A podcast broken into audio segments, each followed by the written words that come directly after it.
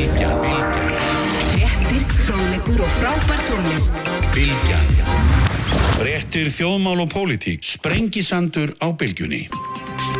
Sælisustundur haldum við að staða hér á Sprengisandunum Fríðjón Einarsson, Borma Bæjarás í Reykjanesbæ verður hér í lok þáttar þeir félagarnir Þóróli Mattíasson og Askabirina Torfarsson verða hérna líka Heiðaberg Hilmisdóttir og Hildur Björnstóttir Borgarfulltúar en sestar eru hjá með Margit Einarstóttir Prófessor við lagadelt Háskólanins Reykjavík og Hanna Katrín Fridriksson sem ég kallaði við stóart Fridriksdóttur á þann en við litla vinsældir fyrir ekki það e, Velkonar báðatær Takk fyrir. Heru, þið, voru, þið voru hérna saman á, á, á Malþingi eða fundi hjá Sigfræðistofnun þar sem að var verið að fjallum í áhugavert mál sem var undir heitinu frelsi, lögmæti og réttlæti um skildur og rétti bólusetningar. Og þetta er þetta verið að ræða þetta um allan heim. Það er hérna, við sáum bara í morgun síðast staðfesta fréttir af því að tennisleikarnum Djokovic var loksins vísa frá Ástralíu og, og hérna síðan hafa verið mótmæli víða um heim það er Macron vil gera Emmanuel Macron vil gera óbólusetnum lífi leitt, gera þeim gramt í geði og austuríkismenn hafa kannski gengið lengst, þeir eru búin ákveða allir verða að vera skildu illa bólusetið sér fyrir 1. februar mm -hmm. eða greiða sekt og svo framvegis, hérna Margreit, þú varst að ræða þetta út frá svona laga sjónamiði og það hvort að ríki hefði yfir og er það ekki einhverja heimil til þess að gera svona hvaða hefur ríkið heimil til þess að skilda okkur til þess að láta bólusetja okkur? Já, það er rétt. Ég var svona að varpa ljósi á lagarlegar heimildir og skildur íslenskra stjórnvalda. Mm -hmm. og það sem að kemur til skoðunar hérna eru ákvaði í mannreitindasáttmála Evrópu. Og eins og þú segir það eru mörglöndi Evrópu að fara þá leið að taka upp bólusetningaskildu í einu eða öðru formi. Og því ákvaði sem komið til skoðunar er annars vegar önnur grein mannreitindasáttmálans og hins vegar áttundagrein og í annari greini er fjallið um frelsi manna til lífs. Og það kvíla grundulega þessi ákveðis jákvæðar skildur ríkja til þess að standa vörðum líf almennings. Og rauninu grundulega áttundugreinar e, jákvæðar skildur til þess að standa vörðum heilsu almennings. Og hluti af þessari skildu sem sagt felur í sér að, að stjórnvöld þurfa að grípa til e, rástafana til þess að venda almenning meðal annars gegn e, hættilegum smittsjúkdómum og það hefur, það hafa fallið allmargir dómar hjá mannrættadómstólum sem staðfesta þessa jákvæðu skildu eh, en þegar kemur að bólusetningar skildu sem slíkri að þá eru við með einn nýlegan dóm, það er dómur sem fjall í april á síðast ári.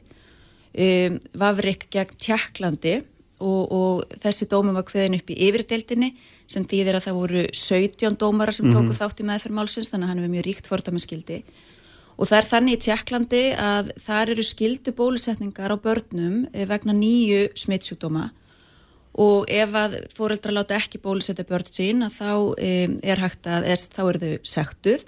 Og eins þá er börnunum sinjað um aðgang að leikskólum. Og það voru fóreldrar sem voru mjög ósáttir við þetta og töldu þetta bróta í bága við áttundagrein mæriðindarsáttmálan sem hveður á um fríðhelgi enga lífs Um, en mannrættindadómstólinn taldi að, að e, þetta stæðist vegna þess að í annar málskun ákvæðinu þá eru undan þáur mm. sem að ríkjum er heimilt að, að grípa til takmarkan áfriðhelgi engalífs ef að það er nöðsynlegt til þess að venda heilsu almennings og almanna heil oh. þannig að og þessi dómur eins og segi hefur ríkt fordamis gildi Þannig að það má leiða að, að því líkum að, að, að e, hann ætti einnig við um, um COVID. Þannig að Íslenska ríki mynd á morgun segja úr allir skildu til þess að láta bólusitja sín uh, að viðlögum sektum þá myndi það sennilega bara standast. Það myndi sennilega standast og ég tek fram að ég er ekkert að leggja til að Nei, nei, ég er ekkert að vænað um það heldur en... En, en, en hérna, en já, miða við þessa þennan dóm sérstaklega og mm. svo sem aðra dóma, þá myndi þá hafa aðeldrikin mjög sko rík, ríkt svigrum til mats á því hvaða leiðir þeir þurfa að velja að fara til þess að vemda líf og heilsu almennings. Mm -hmm og enda sjáum við í löndunum í kringum okkur, ég menn svo nefnir austríkismenn er að hafa bóða bólusetningaskildu frá 1. februar að viðlegum í háum sektum Ítalir eru með nokkuð viðtaka bólusetningaskildu þjóðverðir eru að undirbúa að taka bólusetningaskildu mm. og svo eru enn fleiri lönd sem hafa, hafa tekið þetta bóðað að taka upp bólusetningaskildu starfsfólks á hjúgrunarheimilum og, og, og heilbreyðistofnunum E, svo er náttúrulega þessi svona óbeina bólusetningarskylda sem Íslendingar er fannar að þekkja á ferðarlegum erlendis að við þurfum að framvisa bólusetningar vottorði til að geta komast inn á veitingastæði, hótel og svona fleiri staði þar sem almenningur kemur saman. Þá er náttúrulega á, alveg öruglega eftir að reyna á þetta fyrir mannrættindómstólum að því að verða COVID en fyrirlíkjandi dómafórdæmi gefa skýra vísbendingu um það að, að það mun því teljast staðist. Hvernig horfir þetta við þér, hérna? Frelsi og ábyrð og, og allt þetta Já. klassíska sem hlýtur að takast á í þessum Já, já. Og Málum. út frá þeim því sjónarhóttni er þetta náttúrulega alveg gríðarlega áhugavert. Já, Ég meina þetta er ekkit ný umræða og, og eins og margit kemur inn á fordæmi sem eru, þau eru ekki COVID-tengt, þau eru tengt annars konar eh, bólusetningu og annars konar sjúkdómum og þessi umræða hefur reglulega skotið upp kollinu hér líka, hvað var að bólusetninga barna og þá er tegnslu við leikskólana og svo framvegis um, við erum í þeirri stöðu kannski ólíkt mörgum öðrum og ólíkt þessum stöðum þar sem að yfirvöld hafa gengið hvað lengst að hér er uh, fólk mjög opið fyrir bólusetningum. Og ef við færum þetta yfir í rauntíman sko, ég meina við erum að tala um þess að um, að þeir sem eru gaggrínendur, þeir tala um að þessi lög, bólusetningaskylda, hún skerði pressunumfrelsi og hún stefni fólki hættu af því að það eru líka sjónafið sem heyrast að þetta sé ekki algjörlega örugt. Um, og síðan er það talsmenn skilduna sem segja að, að annars vegar eru menn með því að taka ekki þátt í, í bólusetningum þegar alvarlegi smittsjúkdómar herja á samfélagi þá séu þeir að svíkjast undan siðferðlega skildu sinni um, um einhvers konar samfélagsvernd og síðan að, að þeir séu ein, einfallega stefna líðhulsi hættu og þar með skerða frelsi annars fólks. Og það er átakapunkturinn ekki, ekki síst sko. Við erum bara með samfélag sem er gríðarlega mikið bólusett eða sagt vel bólusett, við svara kallinu vel, það er bara kúltúrun okkar er slíkur. Og það er einmitt áhugavert að tala um kúltúrun þegar við, þegar við tökum þetta brot sem er óbólusett í dag, e, það er einhver stærri kringu 10%, ég man ekki nákvæmlega töluna, þá er stórluti þess hóps innflytjendur þar sem við höfum ekki náð til með fræðslu og upplýsingu og þetta á sama við svo sem um, um aðra bólusetningar hér og þar getum við gert betur og ég myndi vilja sjá okkur gera betur áður förum fyrir alveg að ræða skilduna.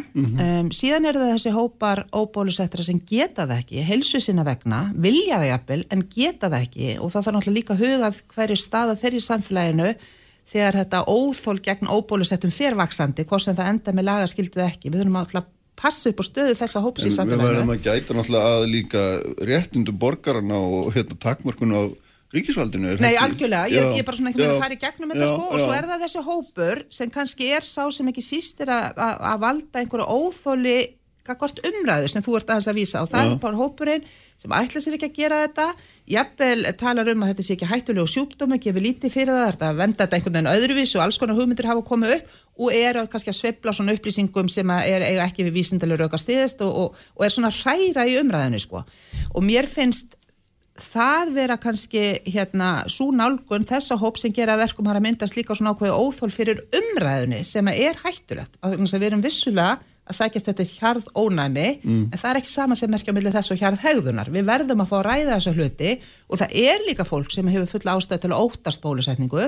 Þetta er ekki 100% örugt frekar en flest annað. Nei, nei. þannig að þetta þurfum umræðina og, og ég er þeirra skoðan að svo umræða þarf meðal annars og ekki síst að eiga sér stað meðal kjöruna fulltrúa inn á þingi áður en við tökum skrefi lengra. Af því sérstaklega það er engin ástæð fyrir okkur að flýta okkur hratt í þessu máli. Við getum uh, vandað umræðina, leita leiða til að ná til fleiri aðeila sem enn eru óbólusettir og renna svona vísendalegu stóðum enn styrkari undir, undir þessar hérna, aðgerir allar. Og ég, ég skinja nú ekki annað en að það sé meiri hluti fyrir þessari nálgun. sem fer. Eh, hvernig er þetta og margir þurfast að nefna hennan dóm í Tjekklandi og svona við þá vikta þessi frelsisrök persónu frelsisrök greinilega ekki mjög þungt ólíkt því sem maður sér í mjög mörgum málum þar sem þau eru raun og vera alfa og omega hérna, stöðu hvers mann sko Jú sko þau vikta auðvitað þungt og, og það er þannig að bólusetningar skilda felur í sér inngrip í fyrstu málskun 8. greinar, felur í sér inngrip í fríðhelgi engalífs eh, almennings. Eh, en það er eins og ég sagði áðan í þessari annari málskreina þá er að finna takmarkanir sem að heimila ákveðin afskipti ríkisins í rétt einstaklinga til fríðhelgi engalífs í ákveðnum tilgangi og einn af þessum tilgangum er til að vemda heilsu manna og almannaheill.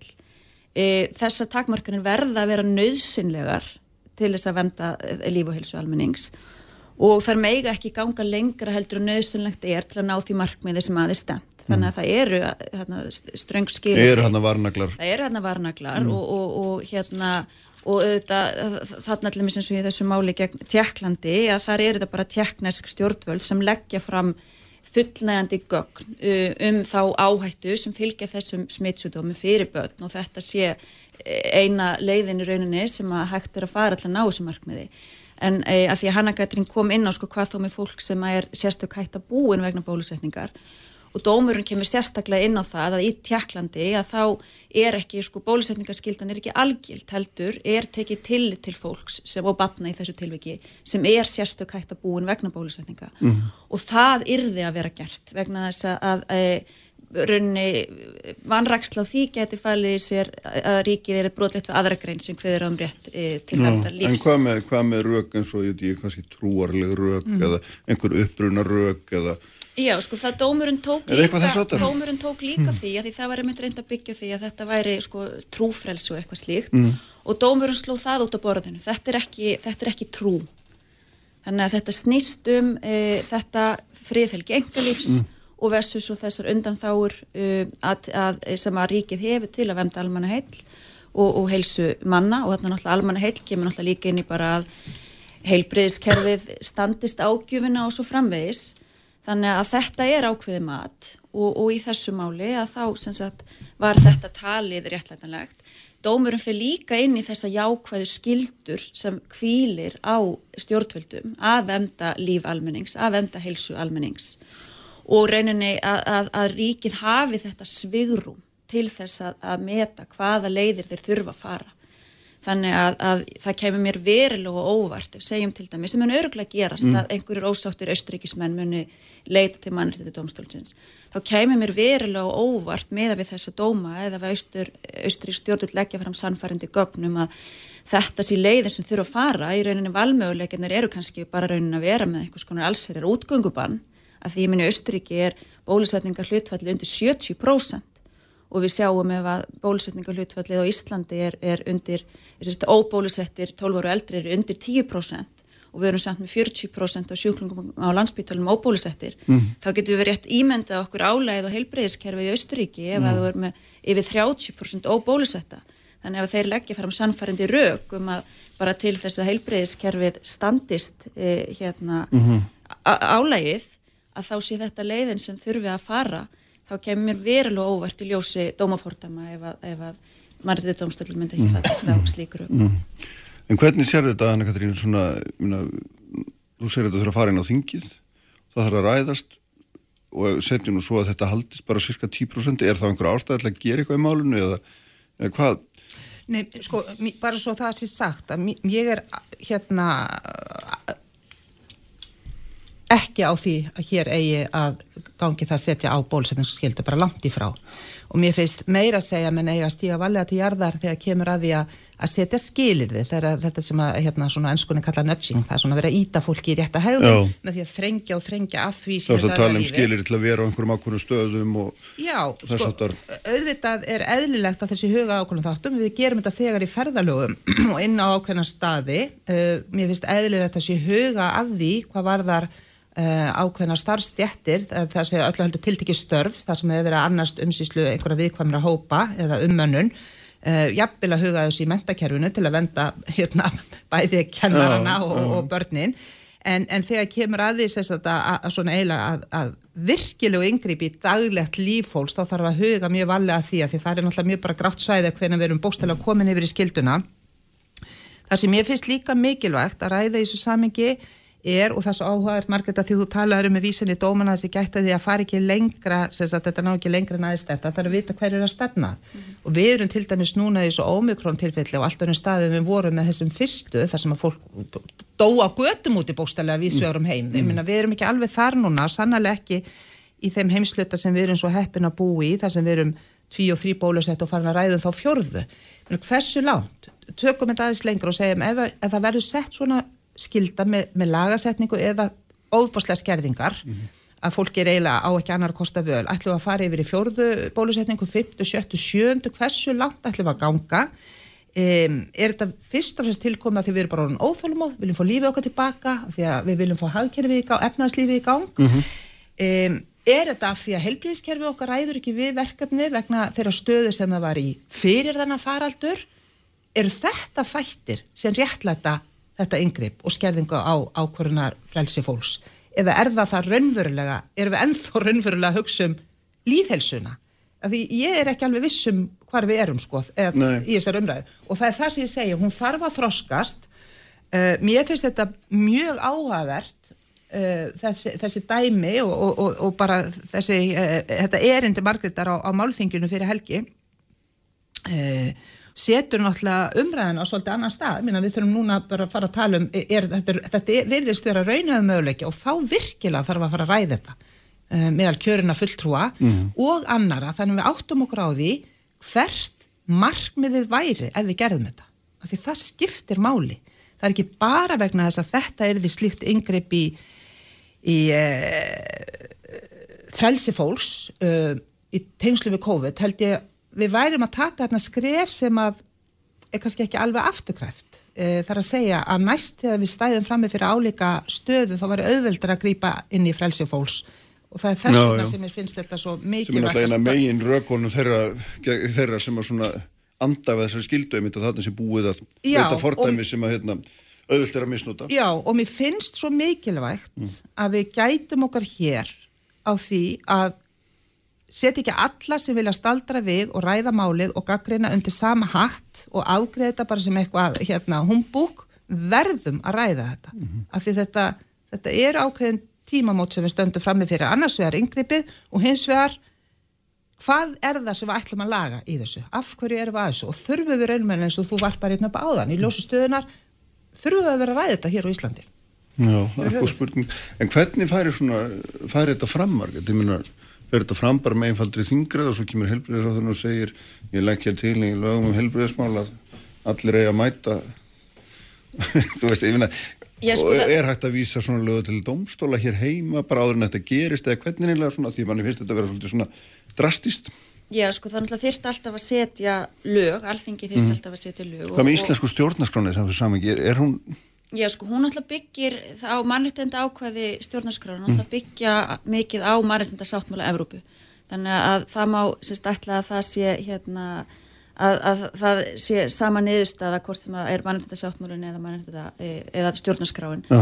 Auðvitað koma hana líka til skoðunar jafnræðisregla stjórnarskránar og, og hérna og, og auðvitað er ekki fyrirfram hægt að segja sko, það, er alltaf- þetta væri alltaf svolítið atvikaböku ég meina það er öruglega meira, meiri heimildir til þess að setja á svona óbeina bólusetningaskildu til dæmis taka upp bólusetningar passa við yngungu veitingastæði eitthvað slíkt heldur um til dæmis að setja bara beina bólusetningaskildu þar sem bara lauruglan kemur og sækti fólk og, og, og, ég, og, og ég, ég held nú að það myndi nú engin láta sér dett í hug hér á landi að fara í slíkar aðgerðir en þetta væri þó væntalega meira þessi óbein, óbeina bólusetningaskylda. Það er náttúrulega nú þegar á Íslandi búið að taka upp reglur sem að er fela í mismunandi reglur með til, til, til sóttkvíjar eftir bólusetningastöðu Algjörlega. og, og ég hérna, hef ekki betur hert en að það sé svona almenn samstæða í pólitíkinum það að það standist jafnbræðisreglu því að þarna er bara fólk ekki í sambarilegri stöðu með tilliti til sóttvarna Um, en, en vissulega gæti reynt á þetta fyrir dómstólum og, og ef svona lögum er þið sett þá myndi það eflust gera það. En eins og segi með, með vísan í þessi dómafórdæmi og uh, þessi fræði að þá teldi ég líklegt að það myndi standast. Uh, nú er ég náttúrulega ekki pólitík þannig að ég þarf betur fyrir ekki að taka afstöð til þess hvað leiðir á að fara og, og, við og við- sem og- borgarar sem og- við auðvitað náttúrulega erum í þeirri góðu stöðu að 90% landsmanna 12 ára eldri eru bólusett. Þannig að við erum ekki í jafn erfiðari og löndin í kringum okkur.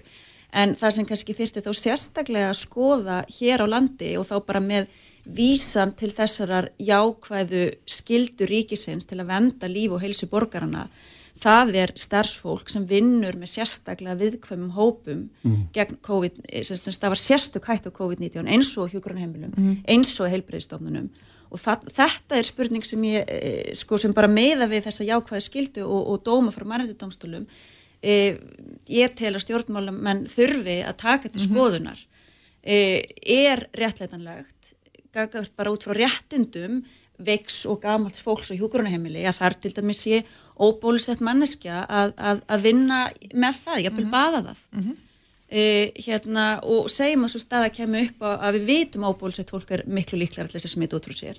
Segjum að svo staða kemur upp að það kemur bara út það getur komið upp bara eins og við sáum á að það getur komið upp bara viðtækt smitt, það sem ég vil sko fleiri en einn og fleiri tveir látast og, og, og, og þá vaknar svo spurning sko, var þarna þá Íslenski ríki að tryggja vemd þessa fólk sem er fullnægandi hætti mm -hmm. gagvert annari sem sambur önnur og 8. mærandi sátt með Európu þannig að þetta er kannski svona fyrsta e, álitaefnið En Hvað, þá með landakotsmáli? Það stendur það ekki undir því að Já, þá, þá náttúrulega var ekki það var ekki komið bóluefni þannig að, að hérna þannig að, að það, Nei, nei. Það var þannig það. Það þannig að það er svolítið annað. Það það var var, an- þarna var erfiðari staða að venda. Já, mhm. en, en, en núna náttúrulega erum við í er staðan önnur. Já, veit ekki mynda betur, já. Já, við gerum það. Og þetta er bara mjög áhugaður punktur og þetta uh, hérna, er mjög líklegt að þetta verði næsta skrif umræðunar og ekki þar langt frá hvílir réttur kennara til dæmis sem er að kenna mikill nánd við, við nefnendur sem eru þá eh, eftir aðtökum bólusettir eða óbólusettir uh, og við sjáum nú aldrei þessi ástandi í skólunum. Já, já. sótkjör og svona, þannig að auðvitað þurfum við að taka þetta svona skref fyrir skref. Um, ein stóra máli er kannski þetta að í þessum hérna augastormsins þá, þá er mjög mikilvægt að við höldum áfram að minka þennan hóp óbólusettra með upplýsingagjöf og fræðslu og að gefast ekki upp gegn þessum hafsjól til þess rángra upplýsinga uh, og falsfrétta um bólusetningar það þær eru sannlega á kreiki líka. Þannig að, að, að þar held ég að sé mesti ávinningurinn fyrir eh, sko, sem við náum á, á sem bestan máta. Að skerði ekki frelsi fólks um of og hérna ná samt þeim árangri að, að, að tryggja líðhelsuna En eh, að þú tekur sko skóla sem dæmi, ég meina, þá gæti við fætti séð samkvæmt þessu skildað börn í skólum, segjum í framhaldsskóla, til þess að fara í þrjársprautur og framvísa vottur á þau mættu á mótana. Er það ekki? Meina, ef, er að kennararnir eru í hættu og því að það er svo, veist, er það ekki? Það er alveg einn byrtingamyndin og ég minna viða erlendis eru skólafarnir að breyðast við og það er bara farið að, að skipta í deildir, þú veist með óbólusetta kennar að kenna óbólusetta börnum eða nefndum, þetta er nú reyndar í háskólum og svo og, hana, og öðruvísi, ég minna það, þetta er, það er orðin svona lagskipting viða Nú og í þetta orki tengist mátt ekki mæti í vinnuna nema að vera með hérna, vottorð. nei nei og þarna er náttúrulega verið einmitt að- að að- að gera fólki erfitt fyrir hérna með það að halda yfir það ákvörðun sína að fara ekki í bólusetningar Mhm. mm. það er verið að íta þessu yfir og það er, og einhverju tímapunkti nær það síðan svo langt að það má segja að þetta sé orðin skilda þetta er bara, þetta er umræðin sem við þurfum Já, að þetta er svona þvingu skildað. já, já, Jú, jú. það er það. Óbein bólusetningarskildar Akkurat.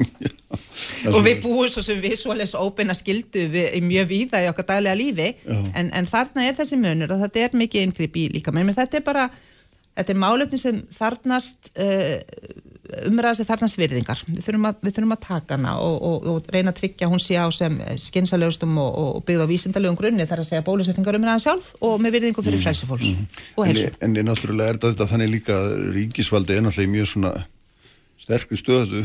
Einhver Jón Jónsson út í bæ sem að þarf að hérna, standa sínu máli gegn ríkisvaldinu vísindunum öllu er, er það ekki mjög veikri stöðu á móti?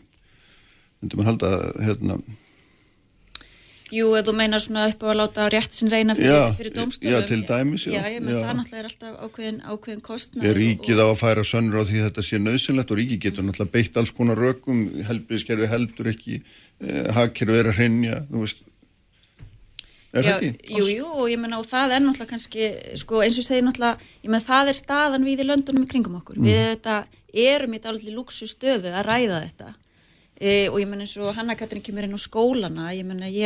þetta er öruglega sko meira vandamála, það getur verið vissilega óbólusettir nefnendur, það getur líka verið óbólusettir kennarar og hvað á að gera þar varðandi batn í bekknum sem er með undirlikjandi alvarlegan sjúkdóm, ég menn þetta eru alls konar, þetta eru alls konar álitamál og, og við kannski hérna erum svo heppin að það reynir minna á þetta hjá okkur heldur en í löndunum viða, viða í kringum okkur. En, en jú, jú, ég menna auðvitað sko, og, og það er náttúrulega bara líka það sem mannréttindómstallin hefur staðfest að, að, að, að aðeldaríki hafa viðtækt svigrum og, og þarna náttúrulega er þetta ekki heldur eitthvað bara ríki gegn einstaklingi, þetta er náttúrulega líka bara almanna heill þetta, er, e, þetta, er, þetta er að standa vörðum um okkar, okkar veika fólk og, og okkar gamla fólk og standa verðum landsbítalan til dæmis þannig að, að það má segja að svona ákveðinu til ekki hafi stjórnvöld vopninu hendi en, en, en Íslands stjórnvöld hafa náttúrulega bara sínta í þessum faraldri að, að menn taka því ekkert léttvægt að, að takmarka frelsi fólks, ég menna það vilja allir, allir vanda sig og, og þannig að ég hef ekki miklar áhugjur búandi í þessu landi að menn sé að fara að gera eitthvað sem að ekki er þá bara talið algjörlega nöðsynlegt mm. Mm. Það er kannski eitt í þessu sem að, að því við erum búin að fara svona víða mörg sko og það er kannski eitt sem að hérna bara líka skiptir málu og það hefur svona í samfélags, það er þetta sem ég hagfræðinu kalla þetta frírætir hérna problem sko þegar einhverjir mm. þáttökundir í samfélaginu njóta góðs af því sem aðrir leggja á sig á leggja sitt að mörgum sko og þessar bólusetninga með í tegnslu við hjarðónami eru náttúrulega mjög klassíst dæmi um það að, að, að fólk sem að ekki ætlar þá leið að láta bólusetja sig það gerir það að hluta til í trausti þess að hjarðónami myndast af því allir hinir gera það og það svona dregur svolítið úr vörninni hjá þeim hinnum sömu sko og er svona uh, af því að við erum að tala um lagarlurök samfélagslurökin og, og, og bara sameiginlega ábyrða þessari Já, já. og segfæli skilda að, að samfélagi fungeri og þá ekki síst með tilliti til þessar svona viðkvæmu hópa sem að margir er að tala um sko þannig að- að við verum líka að gæta þess að, að, að við sem samfélag, við erum ekki bara eins og hvert annað fyrirtæki, við berum alls konar ábyrð og skildur sko þá sé ekki beint hvert og eitt hend okkur persónlega þetta er líka bara spurningum hvað ætlar maður að leggja mörgum til að vera þáttakandi í samfélaginu. Það er svona rauk sem þetta líka inn með því að fá sem flesta með á bólusetningavagnin Ljófandi, herðum, ég held að komast ekki lengra að vera frólægt að fylgjast fylgjast með það hvernig þetta þróast á næstunni. Takk fyrir þetta Margrét og Hanna Katrín. Takk Það er fyrir. verða hjá mér hérna Heiða Björg Hilmisdóttir og Hildur Björnsdóttir borgarfulltrúar eftir augnablik. Sprengisandur á bylgjunni Kraftmikil umræða alla sunnudaga Sprengisandur á bylgjunni Sælir aftur hlustendur, þar eru farna frá mér Margrét Einarsdóttir og Hanna Katrín Friðriksson eftir frálegar umræður um bólusetningaskildu og rétt ríkisins til þess að skilda ríkisborgara sína eða skilda borgarana til þess að undirgangast bólusetningu ef til þess kemi nú að ástandi væri metið þannig. Við ætlum aðeins að hérna, ég ætla að venda minni hvað er kross, það eru sestar hérna Hildur Björnsdóttir og Heiðabjörg Kilmisdóttir sem eru auðvitað borgarfulltrúar í Reykjavík, sælir og blessaða báða tvær. Sæll. Velkomnar. Við erum að stofna hérna nýjan stjórnmálflokk, það er græni flokkur. að því nú erum við í vefútsending og það sjá þetta allir, það sjá þetta allir. En hérna, heyrðu, við ætlum ekki að sláða þessu upp í tónglím. Heyrðu, nú er hérna, nú er sérst þannig að það er setjast svona kostningar í mæ. Því ætlum báðar að halda áfram að svona það því gefna flokksfélagar ykkar samþykki það og vilji það. Og þarna, og, og svona, ef maður aðeins svona velti fyrir sér stöðinni, þá erum við í þessu COVID sem hefur breytt mjög miklu, fólk er farið að vinna heima, ferðast minna ás framvis og svo erum við í svona lofslagsbreytingum sem eru líka, hafa líka svona sennilega mjög mikil áhrif á líf okkar og það er svona áhugavert finnst mér aðeins að, að velta því fyrir mér með ykkur hvað áhrif hefur þetta á okkar daglega líf, hvers konar borg og hvers konar borg sjáu þið fyrir ykkur? Og við ætlum að búa til næstu fjögur árin svona með hlýð svona þessum auðvitað er þetta eitthvað svona strömmkvar sem er að verða eða ættu að verða minnst það sem við þekkjum í dag. Viltu byrja heldur? Já, svaraði hvers konar borg ég vil sjá hérna Já. til framtíðar, einmitt, við stöndum einmitt á eins og ég hef kallað svona umrótstímum akkurat núna sem borg og við erum auðvitað þessi svona sæta krútlega borg á, á Íslands og berangri Allandshafsins, við erum svolítið svona e, sérstök fyrir vikið og við erum að þróast úr því að vera svona þessi sveit yfir í að vera borg. Uh, og það sem ég vil sjá við þetta svaraði bara í mjög stuttu máli þá sér maður fyrir sér bara frjálsa, græna, framfara borg. Uh, það er mörg verkefni sem hafa farið á stað sem að maður sér fyrir sér að halda áfram í einhverju mynd og það eru svona verkefni sem snúa borgarþróun sem við sjáum í borgunum í kringum okkur. Nú er það orðið stort viðfangsefni að huga því hvernig höldum við unga fólkinu okkar og hvernig höldum við hæfileika fólkinu okkar á Íslandi. Því að nú eru tækifærin út í heimi og ekki síst í Evrópu svo fjölmörg og aðgengileg fyrir unga fólkið okkar og þá er ekki síst áhugavert að rýna e, samanbyrð á því hvers, hversu margar vinnandi hendur eru og hvert lífeyrisþega í dag og hvernig það mun þróast á næstu áratugum og þessi hlutvöllur þetta skekkjast og við sjáum það að við munum standa frammi fyrir vanda ef að við ekki annars vegar uh, eignust fleiri börn, höldum hæfileika fólkinu okkar hér, bjóðum erlend hæfileika fólk velkomið hinga, þannig að til þess að ná þessu markmiðum þurfum við þetta að skapa spennandi borg, en það sem þarf að gera hér og það sem ég að halda kostningarna minni snúast um er auðvitað þjónustan við fólkið. Og það er það sem hefur gengið illa. E, það, við þurfum að tryggja hér stóru myndina, að fólk búi hér í borg þar sem samgöngur eru greiðar, þar sem húsnæðismarkaður er aðgengilegur og, og fjölbreyttur, þar sem að e, leikskólaþjónusta er aðgengileg fyrir fólki kjölfar fæðingarólofs, þar sem skólanir eru framús, framúsgarandi og húsnæðið er heilnæmt, ef við ætlum að fóra út í það, því nú sjáum við hvert skólan og fætur öðrum spretta upp í miklu og svo þetta rekstur sem er í lagi. En þetta er svona stóra myndin, græn, frjáls, framfara sinni, höfuborg. Já. Það er svona stóra myndin, uh, það sem þjónustan er í lagi. Eða, ég set þessa sögum spurning á þig. Já, e, það eru auðvitað e, ekki kannski eitthvað sem bara liggur í framtíðin að takast á við loslasbreytingar. Við erum auðvitað á fullu a, í því og okkur hefur tekist að snúa af leið þess að, auka hér losun og erum farin að sjá þar mingun og erum með metnaða full plönum það að borgin okkar verði kolumn slutlaust 2040. Við erum auðvitað með 10 ára plan sem við erum að innlega þar sem við erum að horfa á það að borgin okkar sé sjálfbær og græn á öllum sviðum og þá erum við að tala um eh, efnagslega uppbygginguna, samfélagið, umhverfið, við erum að hugsa um þetta allt saman og eh, það er svolítið svona, kannski það sem að kostningarna snúast um er, viljum við halda áfram á þeirri leið sem við erum á, því að ég held að fólk upplifir að það sér að borgin er að þróast í rétt átt. Við erum að fjárfesta í þjónustu, við erum að byggja nýja leikskóla, við erum að opna nýja grunnskóla, við erum að stór ebla þjónustu við eldriborgara, breytinni þannig hún fer meirinn á netið, meira í takti það sem fólk vill og óskar eftir, við erum með nýja velferðastefnu, mentastefnu, við erum að reyna að, að þróa borgina þannig að hún sé nálagt fólki, eh, að fólk upplifi að borgin standi með þeim þegar á bjátar, við förum í það að búa til störf fyrir fólk sem hefur lengi aðtunlust til þess að hjálpa þeim að fara aftur inn á vinnumarkaðin, við erum að aðalega börnina þannig að hún takir betur utan um fjölskyldur, barnafjölskyldur, eh, erum að breyta stjórnkerfinu um alla borg þannig að, að börn sem að þurfa aukinn stuðning sem að kannski var heppilegt í vorum byrjuð á ára en að COVID kom, fái hann fyrr og betur. Eh, við vissulega eh, sjáum fyrir okkur að einhvern veginn að þetta sé eitthvað sem, þetta, er leið sem við erum á, það sem við höfum verið að byggja upp. Og það er búið að vera gríðalega uppbygging í Reykjavík og bara á síðasta kjörtjumabili núna hefur okkur fjör, fjölgað um uh, já síðan ég kom inn í borgarstofn 2014 þá vorum við 121.000 og núna erum við 135.000 og það tekur auðvitað á. Og það er alveg rétt sem Hildur segir við erum ung borg, við erum ennþá að fjárfesta við erum að kaupa okkur húsnaði við erum að byggja okkur vegi og við erum að byggja okkur grunnskóla. Bara núna næstu plön eru er um fjölda nýra grunnskóla og ný skólakvarfi en það er eitthvað sem við þurfum og það er eitthvað sem við viljum. Og þegar ég kem hinga ungmanniski til Reykjavíkur þá heillast ég af þessari borg og ég hugsa hér, hér langar mig að búa. Og mér langar ungt fólk sem að hinga kemur hvort sem það kemur uh, já bara, hvort sem elst hér upp eða kemur hinga, það sjáum við hérna tækifærin. Og þá erum við líka að sjá háskólanna, nýsköpunar hérna, umhverfið. E, nýja þorpi upp í Guðunesi þar sem að erum með svona kvikmyndaþorp.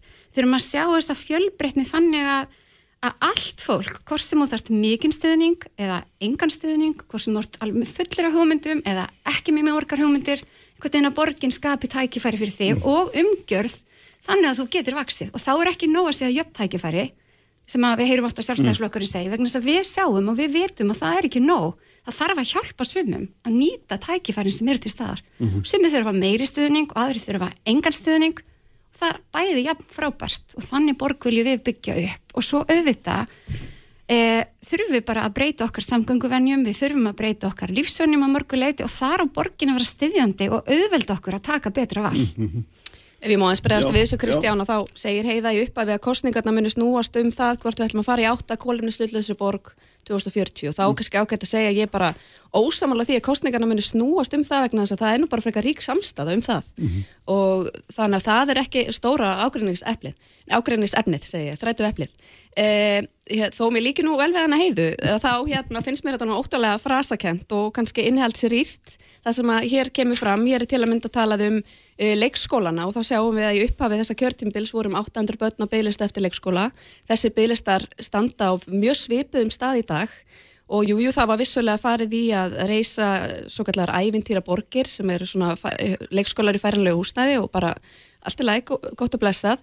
Nema hvað að foreldra sem fengu til dæmis lofurðum að börnin þeirra fengi plási í oktober hafa ekki ennþá fengið þarna inni. Það gengur illa að ráða uh, það hefur tafir á afhendingu skiplas heimildir ekki komnar í gegn og annað. Þannig að fólk er að horfa fram á í fyrsta legi april að börnin komast inn í fyrsta lagi apríl og þetta eru sex mánuður og þú getur rétt ímyndaðir fyrir ungt fjölskyldu fólk sem að e, veitir ekki af sínum tekjum til þess að sjá fjölskyldu sinni farborða að missa jafnvel úr vinnu í allan þannig tíma, það er auðvitað mikið áfall. Og mér finnst einhvern veginn þegar þau stíga svona fram eins og heiða gerir hér og láta eins og þau hefur staðið sig greiðilega vel í þessum málum, mér finnst þau sína e, fjölskyldu fólki svo mikið skilningsleysi og, og eiginlega en ég menna auðvitað hefur, sko mér finnst líka ástæða til að rósa því sem vel hefur verið gert og mér finnst kannski sá málaflokkur sem að hefur staðið best, sem er minnst þetta gaggarina á þessu kjörtímbil eru velferðamálin og það er málin sem heiða hefur haldið á og, og hún hefur bara gert það e, af sóma og, og auðvitað Regína Sviðstjórin og allt frábæra starfsfólki sem eru með þarna út í feltinu og kannski alveg ástæða til að nýta þetta tækifæri hér til að kasta þakklæti og, og rósi á starfs, starfsmenn velferðarsviðs Reykjavíkuborgar og þetta kennara og starfsmenn skólana sem hafa öll unnið mikið þreikvirki núna á síðustu tveimur árum í þessum skringilegu aðstæðum. Já, við þakkum auðvitað fyrir það, góðar kveðjur og hérna ég skal getna koma þeim til skila. En sko það er eitt að segjast vilja mingalósun en hittir það að vera ekki samanlega neina leið til þess? Og við í meirulutanum erum með leið og við erum með plan en minni hlutin og þó, jável þó við horfum bara sjálfstæðsflokkin, þau eru ekki sammála um leiðir eða plön og hafa meira og minna fælt allar tillögur, svona hluti af þeim allavega og, og við vitum í raunin ekki, sko það sem að kannski kostningarnir munir snúðust um er við erum með plan, við vitum hvað við ætlum að gera, við erum að skapa hérna þjætta, lifandi, skemmtilega borg Vissulega, ég hefði viljað sjá eftir að borginur opna fyrr, mm -hmm. en við erum líka búin að opna 31 ungbarnadeild á þessu kjörtímubili og við erum með planu hvernig við ætlum að gera þetta og plani var alltaf að klára þetta 2023 það var, var samþygt 2018 þannig það hefur ekki breyst, það, þetta tekur tíma fólkin hefur fjölga hraðar en við heldum, það er gleðilegt við bjóðum alla velkomna til Reykjavíkur og bara við, við, mm. fólk er að gera sitt besta eh, en sjálfstæðisflokkurinn í borginni hefur hins vegar eh, samþygt og ekki samþygt samþygt sumt í, í í ráðunum, ekki í borgarstjórn eh, við vitum í rauninni ekki anþá hvaða sálstæðisflokkar það verður sem verður í frambóði í, í vor, eh, það eru auðvitað að koma 7. og 8. ég ætla ekki að hérna, gera upp á millið, þó ég kunni ágætla við hildi það veit ég ekki hvort að hún verður fyrir valinu eða einhver annar, það skiptir mjög miklu máli hver það er sem að tala fyrir sálstæðisflokkin þegar þau eru alls ekki sammála og þau eru í rauninni eins og margir flokkar. Og, og ég, mér finnst stundum eins og við fjórir ólíkir flokkar í meirhluta sem meira sammála heldur en fólk innbyrðist í sjálfstæðarflokknum þannig að þó að fólk segi ég vil minni ég vil, hérna, ég vil eh, endilega vinna gegn loslasbreytingum en ég vil auka umferð, ég vil dreifa byggðinni veist, vil, hérna, þetta er bara andstæður og maður getur ekki sagt bæði og. Já, hefum hildað með þetta. Já, ég ætla bara frá að beða mér svona sögurskýringar um sjálfstæðisflokkin. Þetta er nú orðið svona frekar þreyttar línur sem við höfum þurft að sitja svolítið mikið undir á þessu kjörtímfili að, að þessir meiri hluta flokkar og eins og við tökum dæmi um samfélkinguna sem er flokkur sem hefur haldið um svona við tölum um samfélkingu og reykjavíkulistan stjórnatöma í borginni e, nánast óslitið í nánast 30 ár og svo þegar að það þrengir að þeim í, í, í raukuraðum vegna þess að þau hefur ekki staðið sína plikt að þá er alltaf farið að skjóta á sjálfstæðisflokkin sem er áhrifa laus flokkur í minni hluta í borgastjórn. E, það er svona mjög hjákáttlegt og ég veit auðvitað ekkert hvað hann er að vísi þegar... Það er ekki áhrifa laus, er það? Já, við erum í minni hluta, við höfum ekki mikil áhrif, við fáum ekki mikil tækifæri, við auðvitað fáum að greiða atkvæði en atkvæði okkar skiptar að. E, þannig að já, já, þetta er nú bara svona, ég slælu bara á þetta. og ekki náttúrulega bara fundagerðir svona en ég, ég, sko, það er engin áhrifalög sem að sast í borgarstjórn Reykjavíkur og þetta er gríðalega skemmtilegt og mikilvægt starf og, og ég held að allir sem þanga sittjast í rauninni taka hlutverk sitt alvarlega, mm. við erum hann að fulltrúar borgarbúa, borgarbúar eru allskonar og við erum allskonar og ég held að margir borgarfylltra sjálfstæðarflóksins hafa haft bara heilmikil áhrif á ímislegt sem hefur verið ákveðið. Áhrifin sem, sem við höfum felast kannski að lífa um rött en það hefur ekki verið, kannski, það hefur ekki verið mörg tilvík þar sem að meiri hlutin hefur veitt minna hlutunum tækifærið til að hafa áhrif og koma svona með viskum hætti að ákvarðan En hvað myndi breytast ef að, ef að þessi meiri hluti færi frá og einhver annar skapaðist? Og því væri til dæmis í öndaegnum það er náttúrulega bara að blasi við ef það verður að. Ef þessi fyrir frá þá er það eiginlega óhugkvæmilegt svona með stöðun allavega eins og við þekkjum hana. Ég hef talað svolítið mikið um þetta menningastrýð sem að mér finnst meiri hlutaflokkarnir hafa skapað í borginni og það snýra því að ólíkum hópum finnst mér vera allt gegn hvoraðurum eftir hvernig þeir velja að lifa sinu lífi hvar í borginni þeir kjósa að búa og hvernig þeir velja eða jafnvel neyðast til þess að fara leiðarsennar millir borgarhluta eða, eða höfuborgarsvæðisins eða hvert, hvað, hvernig svo sem það nú er og ég myndi vilja breyta þessu. Ég held að sem til mikils að vinna að skapa sátt um til að mynda samgöngumálun á höfuborgarsvæðinu. Uh, mér finnst alltaf svolítið skrítin pólitík að, að sko etja fólki, ég finn það er svona tókstræta mellir fólk sem býr í útkverfum og þeirra sem kannski búa í miðborginni. Og það er verið að uppnefna lattileipjandi lópatreflar eða eitthvað, eitthvað útkverfa eitthvað sko. Og mér finnst þetta svo sérkennilegt að því ég trúi svo bjargfest á frelsið. Og ég veit að e, frelsið er órjúvanlega háð umbyrðalindinu líka. Og ef við ætlum að búa hérna í frjálsur höfuborg þar sem fólk á frjálsa valkosti þá þurfum við líka að vera umbyrðalind gafkvæmt því sem annað fólk velur og ég stundi borðið þetta saman við London. Vitandi samt að Reykjavík og London eru ekki alveg, alveg samanbyrðar hefa borgir. En það er borg sem að samastendur af um og yfir 30 borgarlutum og þeir eru gríðarlega fjölbreyttir. Þú getur verið í, í, í vestarlega í borginni og svo ferðu alveg í austrið og það er bara eins og það hefur sko, ferðast með landa, það er svo gjör ólíkt og það er bara jákvætt og mér finnst jákvætt ef að borgarkverfin okkar eru ólík og þau fá að þróast svolítið með ólíkum hætti eftir sínum sérkennum og þá er fólk bara fleiri valkosti. En þú ert semst að segja, finnst þér vera eitthvað í samgöngu áallinu núna, borgarlínu etc. sem að hérna, þú myndir ganga gegn eða, eða... Ég hef stutt samgöngu sáttmálan og hann er 120 miljardar fjárfesting í borgarlínu, stoppiða framkvæmtum, göngu hjólastígum, ljósastýringum, svona alls konar fyrir alla eins og ég hef kallaða. Mm. Ég stið hann, mér finnst meiri hlutin hafa gengið í svona okkurnar útfærslur á þessum sáttmála sem eru til þess fallnar að skapa ósætti og fyrst við erum stattar hérna við Suðlandsbraut þá er ágætt að nefna það dæmi að, að nú á dögunum eru kynntar áallinni borgarinnar um að hvernig lega borgarlínu er að vera hér og þá á að svona þrengja mig umferð og annað. Og ég hef nú kallað eftir því að því mér finnst gott árinni til afstöðu til mála að vita nákvæmlega hvað þau þýða, ég hef spurt er búið að gera umferðagreiningu og þessu? Eh, hversu umferðathung er gatan? Eh, er, þurfum að hafa ágjör að því að umferð streymi inn í, inn í hverfin og, og það sem að börni að leiða mótnana og annað? Og þá er engi svör við því og mér finnst þetta svona óþarfa innlegi í umræður, umræður um samgöngumálin á þessu stímál sinns þegar við erum að fara inn í kostningar, við erum að, að, mínu viti, mm -hmm. já, sumir í pólitík vilja alltaf vera að skapa ósátt og tókstariti og þannig mm. verður þetta menningastriðið þetta til. Ég held að það séu svolítið stjórnmálamenn sem byggu það til. En ég held að þetta er mikils að vinna að skapa sátt og mér finnst þetta óþarfa innleg í umræðina núna. Ég held mhm. að svona, það, er, hérna, það er alveg hægt að fara í borgarlínu án þess að ráðast svona að e, En líka er hægt að fara í að breyta hér samgöngukerfinu í borginni án þess að fara í það að fjölga bílum því það eru þetta áskorun og viðfangsefni hvað bílum fjölgar rætt Já. og við höfum bara hreinlega ekki pláss. Eða eins og þetta? Já, ég veit nú ekki alveg hérna hvað hva Hildur er að tala um þarna en, en uh, varandi einhverja eitthvað menningarstríð, ég held að það sé kannski meira að minna bara menningarstríð þá innan sjálfstæðisflokksins þar sem að fólki þar er, já, hefur verið á móti Það er ekki alveg deilir á milli, milli miðborgar og útkvarfa og, og Jú, en ég menna fólki þar sko. hefur verið á móti samgöngusáttmálanum mm. og tala mjög opinskátt þannig, mm. stundum og stundum ekki en sumir alltaf og aðri stundum og, og sumir með og Hildur hefur vissulega verið í þeim hópi sem að mér finnst framsýnt og rétt Eh, en sko þetta menningastri, ég skil ekki alveg sko, veist, við hefum auðvitað að tala fyrir okkar hugmyndum og hugmyndir breytast með því að við komum fram og segjum okkar, mm -hmm. okkar skoðanir.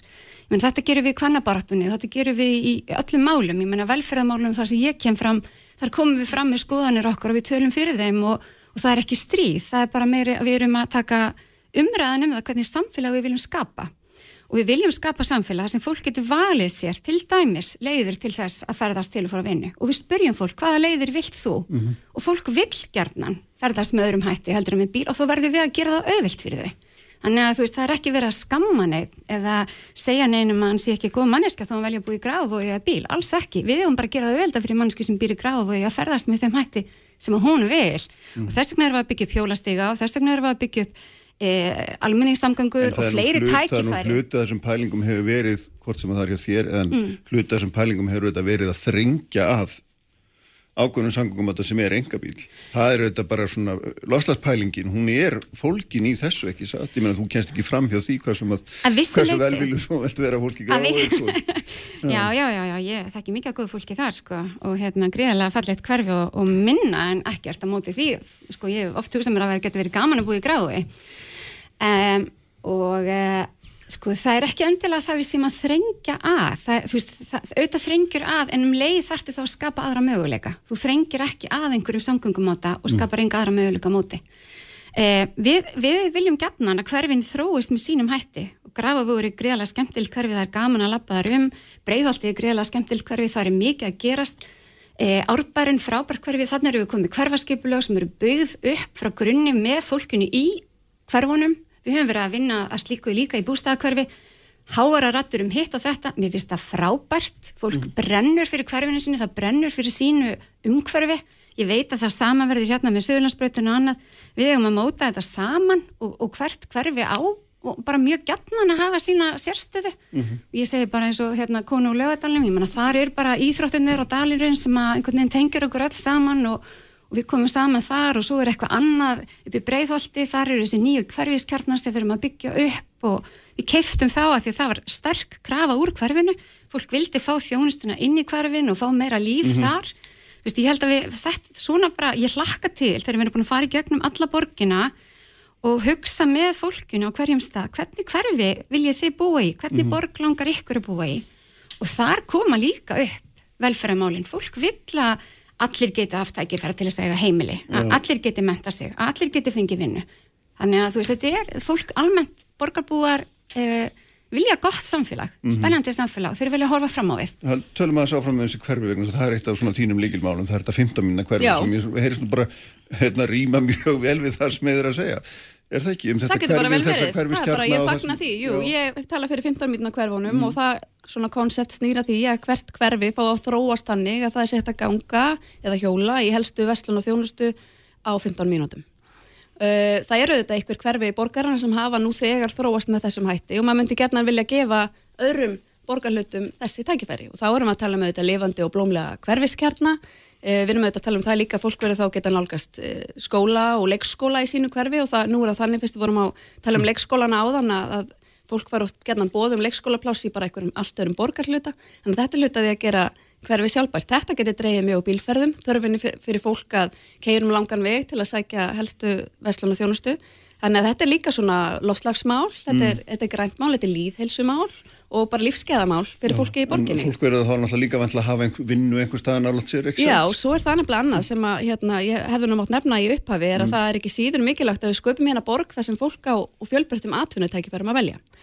Og mér finnst meira hluta flokkana alveg hafa skort einhverja framtíðasín í atvinnumálum í borginni. Við erum að sjá það til að mynda að það er lítið úrval af atvinnulóðum. Við erum að sjá að uh, núna eru hvað, verða um fjögur af tíu stærstu fyrirtækjum landsins í höfuborginni eftir að Æsland er fyrir Hafnafjörð og mér finnst það ekki alveg bóðlega staða fyrir höfuborg. Við erum að segja að Æsland er að fara í Hafnafjörð, við erum að missa tækniskólan í Hafnafjörð og ég er gríðarlega vonsvikinn með það máli, ég setti mikla pressu á það, meðanst mikilvægt að við heldum tækniskólanum í Reykjavík og það var gullið tækifæri að koma nú fyrir á uh, Ártúnshafðunum í því nýja hverfi þar, austarlega í borginni og við erum meira sætt þeirri stöðu að, að okkar eigið fyrirtæki, Malbyggarnastöðun höfði, er líka að fara í Hafnafjörð. Þannig að Hafnafjörður ánur róskili fyrir að hlaupa ansi rætt í því að laða að sér uh, atvinnu fyrirtæki. Eh, en það sem við þurfum að tryggja er og það er einan fórsundu þess þegar fólk velur sér þetta sveitafélag til að búi í, það er eh, geti sótt hér vinnu og fólk flýtur jafnvel stundum nálagt sinni vinnu. Þannig að ég held að við þurfum að fara að hugsa framtíðina svolítið öðruvísi í þessu málum og huga því hvar við, við erum með atvinnu uppbyggingu og þar eru þetta spennandi, ég menna í samgöngu sáttmála er fjallað um Keldnalandi sem er austalega borginni. Eh, það er ákveðin fórsönda þess að hægt sé að fjármagna þennan sáttmála að þessu landi sé komið verð og þessi skipulagt.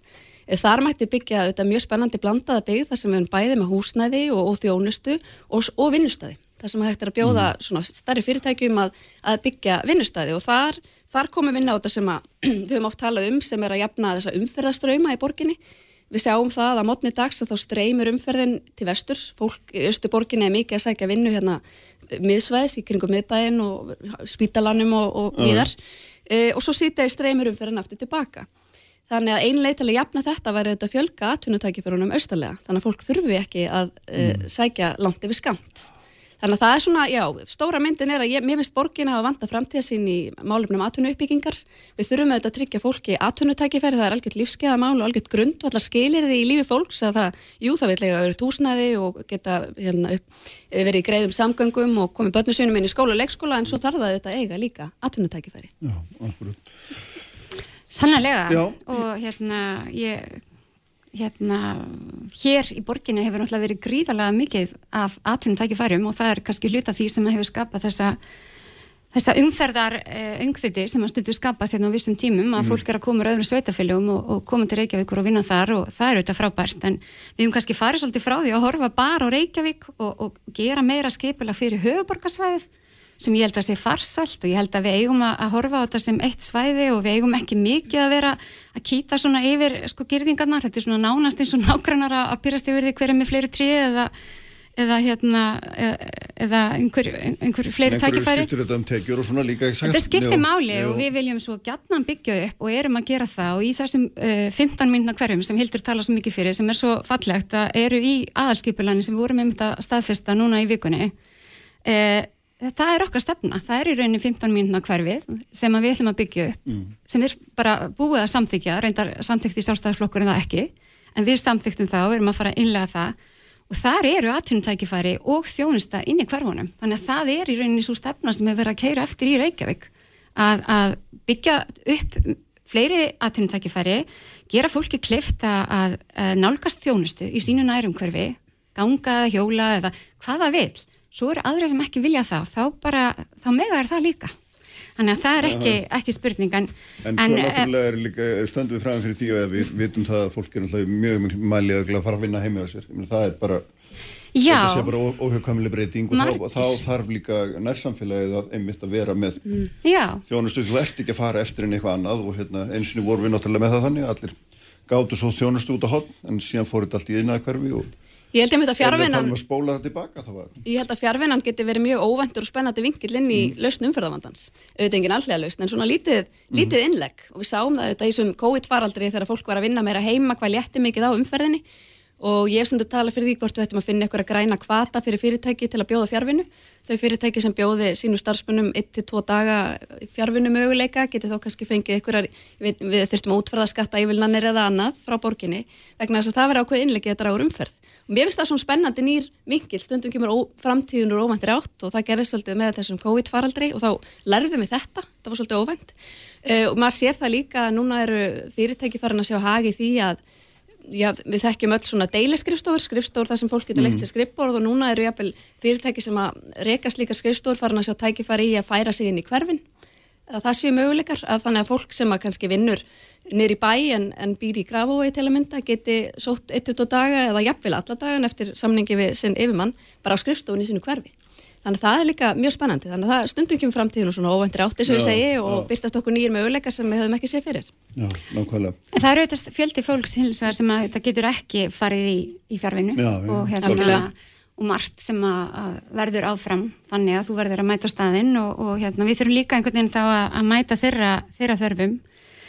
Ég held samt að þessi fjárfestinga áallun sem við höfum sett fram núna, við ætlum að, að fjárfesta fyrir 170 miljardar núna á næstu árum, það eru auðvitað innspyttingi aðtunlífið og, og e, sjálfstæðisflokkurinn talaði fyrir því í borginni að setja á ráðningabann e, þegar kreppan skell á hérna COVID-kreppan okkar það var fröita eitthvað sem við höfnuðum og ákvaðum að standa frekar með fólkinu og standa frekar með íbúum sem að vilja vinnu. Við fórum í að búa til störf frekar heldur en að fækka þeim akkurat núna með að við erum að komast yfir COVID-hjallin Þannig ég held að sko að þýðir ekki, við þurfum alltaf að horfa á atvinni fyrir alla, við þurfum að horfa á atvinni fyrir þá sem hafa verið utanvinnumarkaðar og auðvitað líka spennandi störf fyrir þá sem geta unni heima við skupur sitt. Ég verð að fá að koma að sinna þetta, já, Kristján Vagnar, klára það það, þarna byrtast svona mjög skýrar pólitíska línur. Mhm. Uh, Við töluðum fyrir ráðningabanni í- fyrir um einu hálfa ári síðan á svona miðlægum skrifstofum borgarinnar, í þessum þægilegu skrifstofustörfum sem hafa vaksið mjög gríðarlega á síðust árum. Við sjáum það að störfum hjá borginu við fjölga um 20% bara á þessu kjörtímabili. Uh, við erum ekki að njóta neittna stærðarhagkvæmni ef við byrjum okkur saman við nágrannarsveitafélögin uh, og það verðist sem meiri hlutaflokkarnir haldi að eina atvinnuskapandi aðgerðin í svona efnahagskrísu eins og byrtist okkur í kjölfar þessar heimsfaraldurs sé að skapa fleiri ofnbær störf. Og þessu er ég svo bara algjörlega ósamála og besta atvinnuskapandi aðgerðin er auðvitað alltaf að styðja myndalega og betur við atvinnulíf. Og skapa skilirði fyrir atvinnulíf og enga framtak að skapa þessi störf. En ekki að ráða alltaf inn á borgarkontorun og við hljótum að sjá hversu ósjálfbært það er. Og það, það var mjög fróðlegt til dæmis síðustu helgi að skoða atvinnuauðlýsingar í blöðunum. Þar sem varum sko, ég held að það hafi verið þrjár af 24 atvinnuauðlýsingum voru hjá atvinnulífi, restin var hjá ofnbæra geiranum. Og þetta er auðvitað ekki sjálfbært því við verðum að skilja hvernig við sköpum þessi ofnbæru störf, þau eru auðvitað með verðmeta sköpum í atvinnulífi. Ég ætla rétt að vona að við séum ekki stödd þar að COVID verði hér áfram og við þurfum að líta á þetta sem sjálfbært því þetta er auðvitað viðbrað við því að mm ferðarþjónustan er ekki að ráða, hótelin er ekki að ráða, það er fyllt af fólki sem er án atvinnu og þá hugsu við, getum við nýtt þetta, getum við auki við þjónustu, getum við gefið þessu fólki tækifæri til þess að þurfi ekki að vera heima meðan á þessu stendur og það viljum við gera því við viljum standa með borgarbúum og við erum að fjárfesta þá í eins og eins og uh, hugbúnaði þannig að við séum að veita þó þjónustu sem fólk vil, við erum að veita meiri þjónustu til gamla fólksins sem er einangra heima. Við erum að veita meiri þjónustu til unga fólksins sem að líður núna illa. Nýtum fólkið í það og síðan þegar þetta tímabili búið þá er þetta fólk tilbúið til þess að stökka út á vinnumarkan og vinna hjá öllum fyrirtækjum Ertu að að það mitt? hildur verður, þetta er tímabundi og Þannig að hefur fólki alltaf verður komið sagt fram. upp í- í Nei, kjölfarið? fólki er, fólk er ráðið tímabundi hildur Áhugavert, eins og þið til að fylgjast með. Þannig að Heyrðu, já, ljómandi gott. Heyrðu, takk ykkur báðum fyrir að koma. Takk fyrir. Verður frólægt að fylgjast með hvernig þetta þróast hérna fram á vorið. Þórulega Mattíasson og Áskripir Ínat Þorvarsson verður hérna eftir augnablík. Fréttir þjóðmál og pólitík. Sprengisandur á bylgjunni. Sprengisandur. Alla sunnudaga á bylgjunni.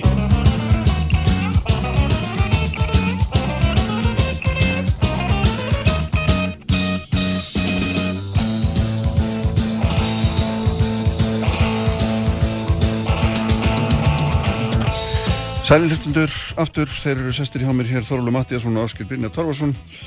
Uh, Farnar frá mér eftir á móti uh, Hildur Björnsdóttir og Heðabjörg Helmisdóttir eftir umlega borgamálin. Uh, núna ætlum við að gera svolítið meira, ætlum að leggja undir okkur heiminn hérna, félagarnir. Og hérna Þórulega aðeins byrjaði þér vegna að þú skrifaði svo fórhaldlega grein á kjarnan um daginn, eða í kjarnan annarkvort á mann að segja, hérna þar sem þú varst að velta fyrir þér, því sem að margir auðvitað velt fyrir sér, en svona daldi við skýrum hættir sko á hvaða á e, þessum yður kostu miðjum einhvern veginn og svona, kannski sjáum ekki alveg til lands en það er samt svona held ég orðið augljóst að þetta er ekki bara svona einhvern smá hliðarskbor hvað, hvað svona, ég varpaði þessu til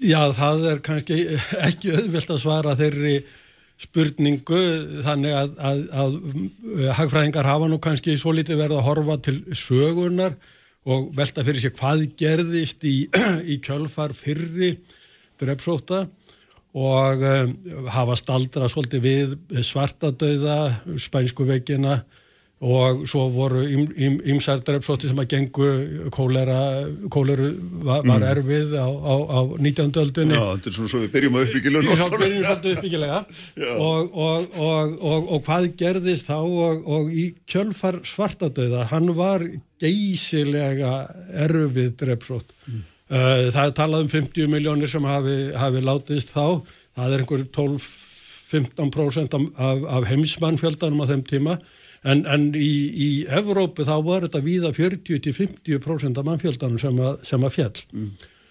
vegna drefsóttarinnar og það hafði geysilega mikil áhrif á undustuðu atvinnulífsins í Londonum og, og, og það, var, það fór svo mikið eftir hvernig aðstæði voru á hverjum stað fyrir sig? Í, í löndum þar sem að voru, hérna, voru til að fátæka fólki með mikið af, af náttúröðlundum eins og Írland og Spán hafa verið tekið sem dæmi um það þá hafði þetta mjög alvarleg, af, alvarlegar afleðingar og dróðu mjög úr efnaðisróunin eftir það. Egiptaland, það er talið að, að eftir svartadauða þar að þá hafi ekki verið mannskapur til þess að viðhalda ávitukjörfunum. Mm.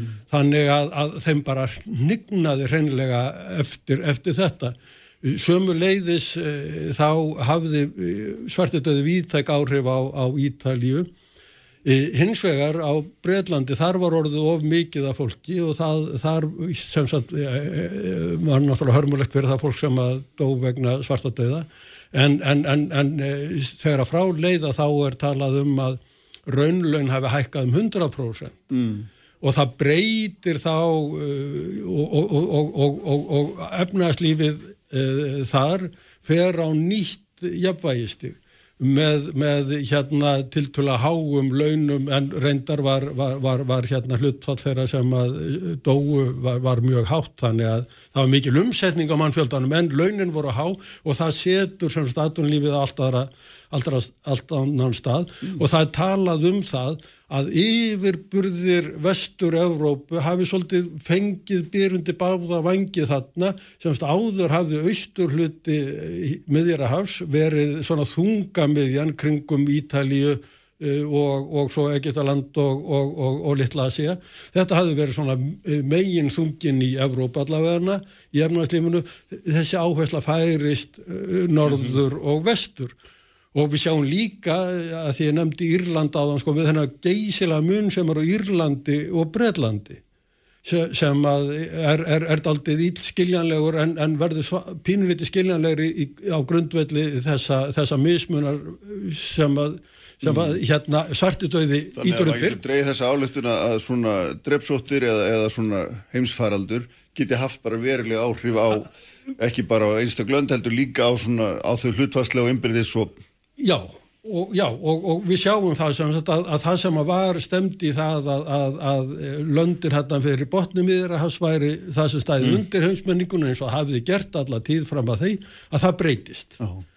og, og getum við spáð eitthvað um það sem að við sjáum í, í, í, í, trendum dagsins út frá þessu. Já það er eiginlega það eina sem við getum sagt er að eitthvað mun breytast. En, en sko það er, svo, það er svo varasamt að horfa bara á, á, á, á hlutina eins og það liggja fyrir á pappirnum ég hef nefnt á það áður að E, sko e, 2019 held ég hafi verið. Þá var Johns Hopkins háskólan að reyna að meta hvernig lönd stæðu gagvart drepsóttum og hverjir stóðu best mm. já ef við horfum á það hverjir, hverjir skrifuðu handbókina fyrir það hvernig á að takast á við drepsóttir í heiminum bandaríkjuminn gerðu það nafnuminn Gunnarsson, hann fór til bandaríkjum til að læra þessi fræði og hann er, hann er, hann er að að fara upp úr bókunum sem að, sem að eh, voru skrifaðar þar mm. e, og, og, og hérna og sömulegst Bretland var nummið tvö og, og, og hérna ef ég mann rétt Svíþjóð nummið þrjú. Þetta er út frá því hvar, hvar þessi hérna E, þessi vísital, hún saði kannski mest til um það hvar höfustöð var livjafyrirtækjana sem að náðu tökum á þessu voru staðsett en, en út frá því að þá getum við ekki álíktað hvernig þessum löndum hefur gengið að berjast við veiruna vegna þess að það er svo margt annað sem að kemur þar inn. Og það sama á við með efnahagslífið. Að, að Við, við sjáum eh, trendana sem að er að koma þarna upp, eh, þú varst með borgar eh, fulltrúana hérna áðan og eh, einhver stað sá ég sko að, að, að þeir sem er að, að stúdera, eh, ég held að vera háskólinu Nottingham, eh, eða Sheffield sem að menn lögðust yfir það hvernig mun vinnan þróast, hvar mun, hvar mun fólk staðsetja sig. Að meðaltali þá muni fólk vinna einum degi meira heimana frá sér eh, eftir COVID heldur en áður. Og ef við hugsum um þá tölu og áður en við förum að reyna markvalda eitthvað upp að þá er það geysilega mikil áhrif í, í hérna ég veit ekki hvort að það verður til að, að sundabröð hverfi en, en, en, en, en, en það hefur áhrif á trafikina já, í borginni. Já, sjálfsög, ætti að hafa áhrif á allt skipilagt Hvað hérna, þetta var langur og góða fyrirlistöðarskir þetta hvað? Já, og ég held að að kreppur breyta heiminum. Við sluppum við kreppu Já. út af COVID. Menn verða að muna það, það er svolítið verið að misnota kreppu hugtækju Mhm.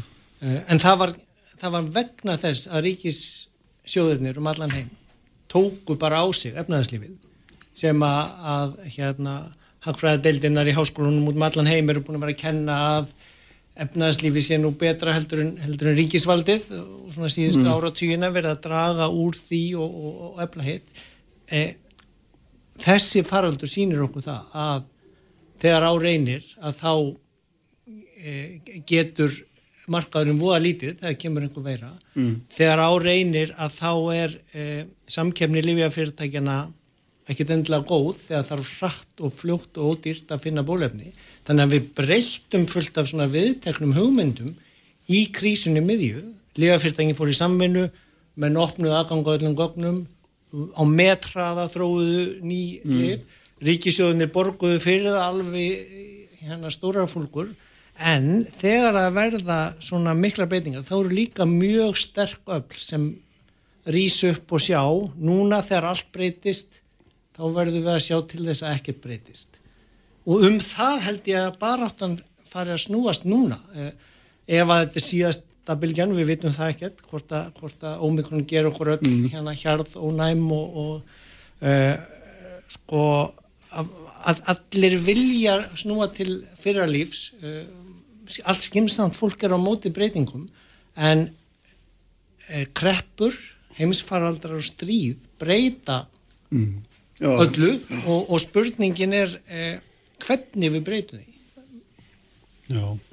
Hvernig við breytum því og hver stýrið því náttúrulega, það skiptir auðvitað mjög miklu máli, hver, hver stjórnar þessum breytingum er. Já, til dæmis það voru bara mjög hátsettir og verðulega hagfræðingar sem sögðu bara fyrir örfáum árum ójöfnur á ekki heiminn á borðið hagfræðinar, hann á heiminn á borðið politíkusuna sem varst að tala við hérna Já. ég meina, ójöfnuður eða, eða jafn, markmiðum meiri jöfnuð er bara inni á öllum hagfræði borðum núna ef, ef menn ætla að- sjá Mm. fram úr þessu sko, menn eru farin að afneita nýfrálsinginu hér meira mann úr öllum flokkum þannig að, að, að ég bara færi ykkur fram einhvers konar sannanir, ég meina það var hér flokkur í alþingisflokkunum sem bara fram til orðum 30.000 íbúður náðu nú ekki inn á þing einhvers einhver svona flokkur lengst í vinstri. Svo sér maður einhvern borgarstjórnarflokk einna lengst til hægri sem kemur fram með þessa tilhugur sko. þannig að það, það, það verða náttúrulega rosalega breytingar Mm. í framhaldi af þessu.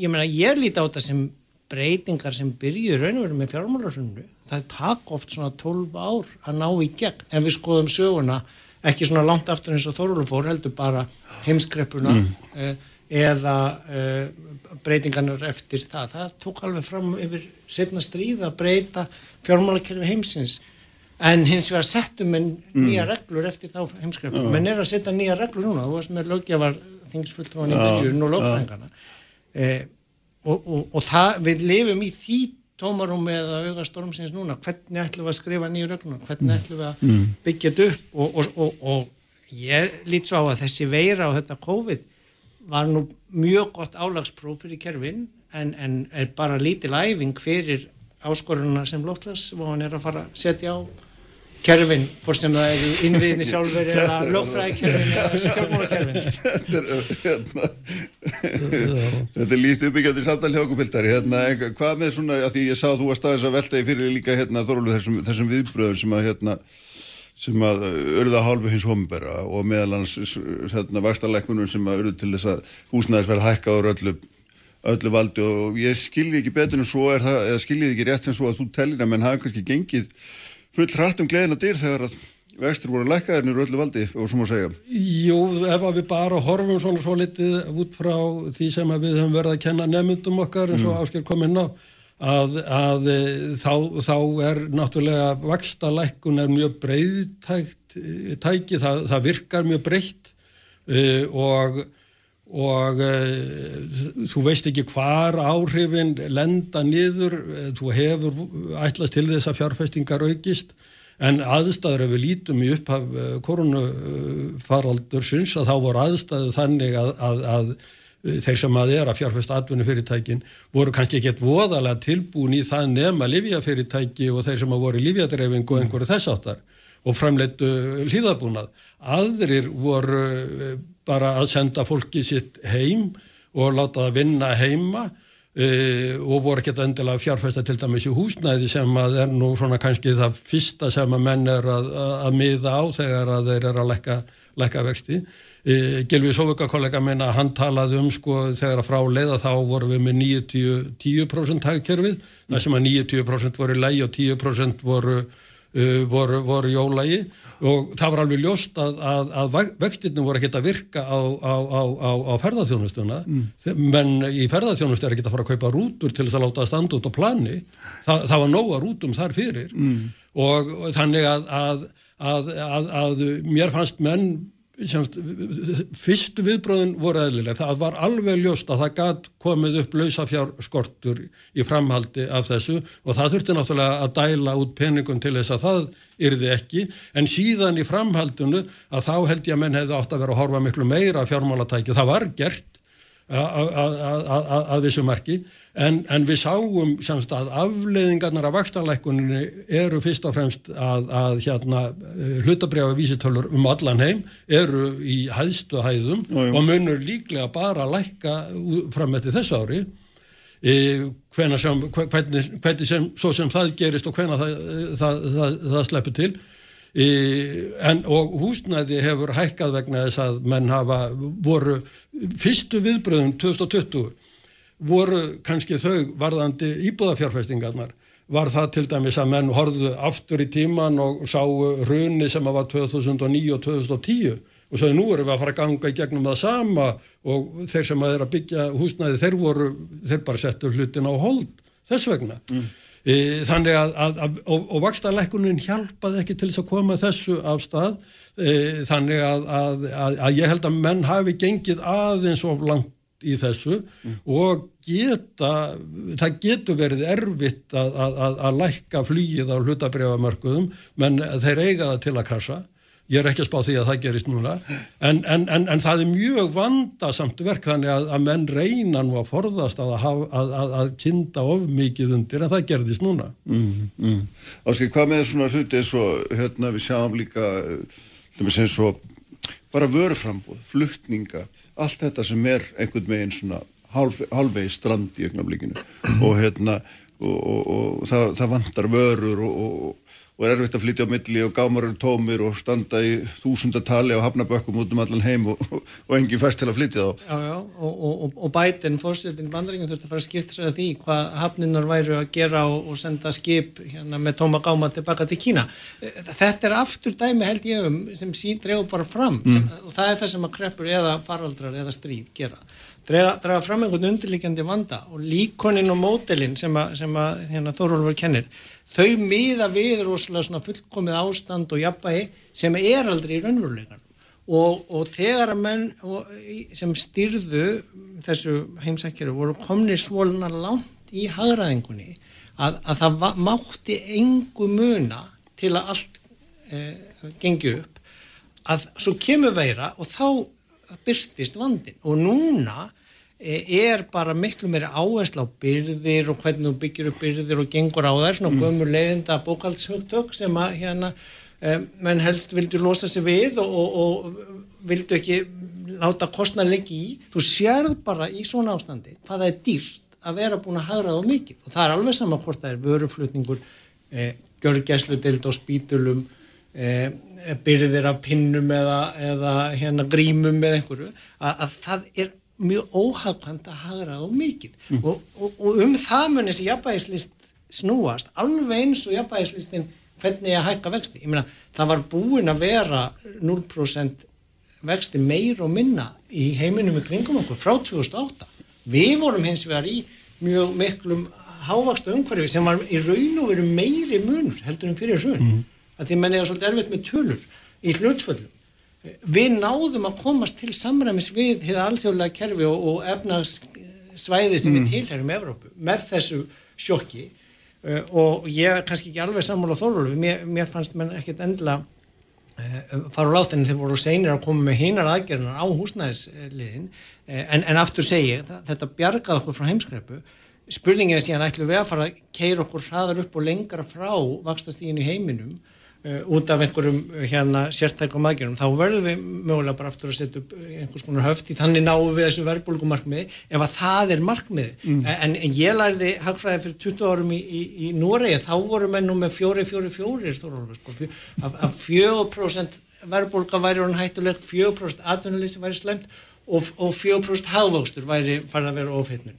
Nún erum við með eitthvað verðbólga verður að vera 2 eða 2,5 hér náttúrulegt atvinnuleysi sem er hræðilegt hugtak sem að hafðræðin bjóð til en maður sé einhvað eðnilegt náttúrulegt atvinnuleysi mm. sé 5% bara núna gott veist, það var hér 2 rétt árum árum fyrir hún og svo velja mann helst hafa 8% hafvöxt til allt gangir og svo vel og, og þannig er rosalegt ójabægi sem að loftslagsváðan byrstur okkur að mun bara koma í andlitað okkur verð heldur en mm. einhver veira af því að þarna ganga menn á ókipiskeið þurfi ekki að borga fyrir það og, og hérna græða vel til stuttartíma Skulum að hleypa þóralvaðum þetta hérna, þetta er alltaf svolítið áspegilegt Já, já, já ég, ég, ég, ég er nú kannski að horfa svona aðeins lengra fram í tíman já. heldur en svona næstu þrjá, sex, átta tólf mánuði sko. E, og, og e, það er alveg rétt, það er, er heljarinnar jafnvægislist að komast, komast í gegnum e, það, það tímabil En, en svo ef við horfum svona aðeins eh, lengra fram í, í tíman þá uh, og, og, og, og þróunina sem að verður í, í, í framhalduna af þessu öllu saman að þá er það alveg rétt hjá áskeri að, að e, það verður meiri áhersla lögð á að eiga byrði til nokkura vikna á hverjum stað fyrir sig. E, það mun verða til þess að vöruverð verður heldur herra heldur en að hefur verið við munum ferðast öðruvísi til og frá vinnu og, og vera, vera meira heima kannski verður að fer, fer, fer hérna neyslan í þá átt að við förum að, að fá sumabústað til þess að fá frí frá sumabústaðnum sem við erum að vinna í mm. e, þannig að, að, að það er ímislegt þess að sem að maður er að, er er er horfa á að eru svona grundvalla breytingar sem er að verða Nú ríkisvaldið og, og aðkoma þess í e, faraldrunum hefur sannað getu þess til þess virkilega að koma efnaslífinu út úr e, vandræðum og samræma aðgerðir sem að markaðurinn getur ekki samræmt eins og það að ná fram hérna þróun bólefnis sem að áður var talið taka tíu ár, við munum kannski eftir því í upphæfi faraldus að þá var, var talað um það, tekur tíu ár að, frá því að þú byrjar að, að þróa bólefni þangar til að þú getur farið að nota, setja því í handleikina fólki.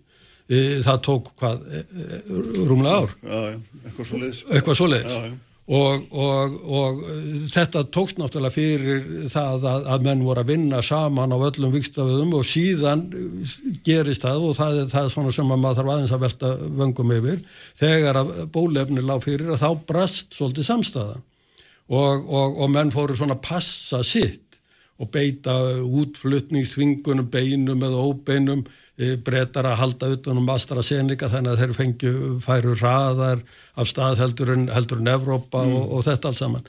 Í, við þurfum að, að bæta ímsa ákvarðana mekanisma sem við erum að nota á alþjóðavettvangi e, til þess að laga svona hluti og það e, talar þá inni í til dæmis lofslagsmálinn að, að kannski eru við að læra eitthvað núna um það hvað við þurfum að gera en, en á sama tíma þá eru við að horfa á svona að, að, að allþjóða vettvangi þá eru þá eru hérna Rúsland og, og Kína svo litið að breytum stefnu frá því sem að áður hefur verið og eru svona augra svona vestuveldunum talsvöld mikið það er komið halv heitt stríð í Úkrænu ég meina þegar að menn fara í sem byrjun á, á, á, á stríði er það þegar að þú uh, ræðist á þölvukerfin í viðkomandi landi og þar við búin að sjá nú, nú þegar. E, Putin þor vonandi ekki að ganga lengra vegna mm. það verður kostansamt fyrir hann. En, en, en ef, að, ef að þessi átök hittna vegna mistaka sem eru gerða á pólitíska sviðinu og það er mjög öðvöld að gera mistök þar að þá erum við að, þá, þá eru allar okkar bollalengar hér eh, til einskil Já það eru hismeitt En, en hin, hins vegar okkur hefur gengið alveg ofbóðslega vel að, að, að ráða við e, veiruna frá því að við höfðum bara hérna lokun landamæra og, og einangrun og rekningu eins og menn voru að nota svona lærðu það upp úr svartadöða að nota þau tæki. Mm að, að, að, að hérna, þá eru búin að ná því að geta stjórna þessu næstum því. Ekki alveg, en næstum en, því. En ríku þjóðunar eru samt ekki að senda bólöfni til fátöku þjóðuna eh, fyrirsögnin sem kemur í blöðunum sem þýlesi er að fátöku þjóðuna vildi ekki taka á móti úrölduskontunum, mm. en rétta fyrirsögnin er ríku þjóðuna sendu útrúnu bólöfni sín til fátöku þjóðuna og, og, og, og við vitum ekki hvort ómikrón er síðastabilikan og fáum hjarnánum við verðum ekki komin út úr þessu fyrir en allur heimurinn er komin mm. hjarnánum mm. ef, ef að menn ætla ekki að taka eh, jöfnuðin og ójöfnuðin inn og, og það er meiri sé að sko gróðavænlegt fyrir ríku þjóðunar að senda bólefni til fátöku þjóðunar en samt eru menn í sérhagsmunaseminni, einhagsmunaseminni fyrir sig og halda að þeir muni sleppa. En, en, en já, það verður Já, já, það, þarna þarf að bæta ferla og ákvarðanatöku og ebla, ebla alþjóðastofnanir sem að takast á við þetta og láta það hafa meira fjög og meiri völd eh, eins og, og alþjóða helbriðstofnanina En er ekki, er ekki svona lærdómar líka svolítið sá að það sem er samræmt í heiminum það er fjármálakerfið? Jú, en það er það brást við í þá, þá sinna umbjóðanda en restin er hérna bara hleypur í allar áttir. En munum sko kreppuna miklu, eftir hana, þá var búið til alþjóðlegt bókaldskerfi fyrir heiminn, samræm, margta reglur um fyrirtæki. En, en, en, en, sko, en, en áður en við missum okkur alveg hindi Já. svart síninni, þá er rétt að minna á það að í svarta, nei, í, í, í, í, í spænsku veikinni, að þá voru það 50 til 100, man, 100 miljónir manna sem að fórust og, og mannfjöldi var 2, 2 miljardar. Núna erum við að horfa á, uh, ja, matið er frá 5 og upp í 20 miljónir sem að hafa þegar uh, látið lífið vegna COVID uh, í, í uh, og, og, og, og mannfjöldin er 8 miljardar. Þannig að, að, að, að ef við horfum á, á stóra skalanum að þá höfum við tekið risastökk fram á við. E, það er fullt af smáatriðum sem að í, í þessu öllu saman sem að er illa staðið að og væri hægt að gera miklu betur ef við hefðum nota best praxis á öllum sviðum að þá væri þetta örfáa miljónir sem að hefðu farist en ekki 20 en, en, en enga síður, við mögum ekki gleyma þessu stóra samhengi, okkur miðar áfram og vonandi ber okkur gæfa til þess að byggja á þeim grunni varðandi þau stóru vandamál sem við þurfum að glíma við í framhaldinu. Ljómandi, hvaða tveir Þorólur Ásker Brynjar, bestu þakki fyrir að koma og, hérna, og fara yfir þetta mögu, ég verði að viðkynni, ég er ekki alveg klárað í hvort að einhvern hafi breyst mikið eða lítið Við stundum á krosskotum og við þurfum að velja hvernig ætlum við að setja reglur og, og, og, og breyta hegðun okkar. Akkurat, ég ætla að fá hérna Friðjón Einarsson sem er formað bæjarás í Reykjanesbæ til mín og eftir hann stendur líka á krosskotum og sjá hvernig okkur reyðir að þar Sprengisandur. Alla sunnudaga á bylgjunni. Uppspretta frétta á Sprengisandi. Á bylgjunni. Sælilustundur aftur, uh, þeir eru fartir frá mér hagfræðingarnir uh, Þorólur Mattíasson og Ásker Brynjar Þorvaldsson uh, eftir heimsbyggilegar vangaveltur um þjóðfélagstögu eins og skaldi saði nú einhver tíman og hendur alltaf tilefnið það er nú sama. E, Sestur í hjá með Fríðan Einarsson sem er formað bæjarás í Reykjanesbæ. Sælu blessaður og velkomin Takk fyrir. e, Það er nú svona að þarna, við verið mikið verið að tala um COVID og loslasmál og svolítið í morgun og hérna þessar breytingur það er náttúrulega, þetta er klassist mál sem þú stendur í þarna akkurat inn í þessu miðju sem er endur reist hugsanleg uh, kísilvesmiðunar í Helguvík og þú hefur nú heldur, látið, heldur betur látið þér kvína út, því, út af því berjumst til síðasta blóðdrópa segir gegn því að það verði Já, það, það er, hvers vegna?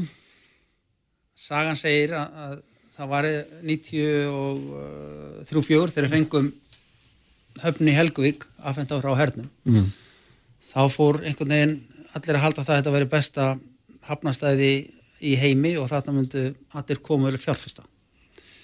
Flugvöldurum við hliðina og, og, hérna, og við erum búin að fara langa leið á þessum 30 árum. Mm. fyrsta stóra verkinu var stálvismiða Eh, það kom uh, 2002 eða 8 að koma. Þar töpuðu við umtalsverðum peningum í fjárfæstingum síðan kom álverið.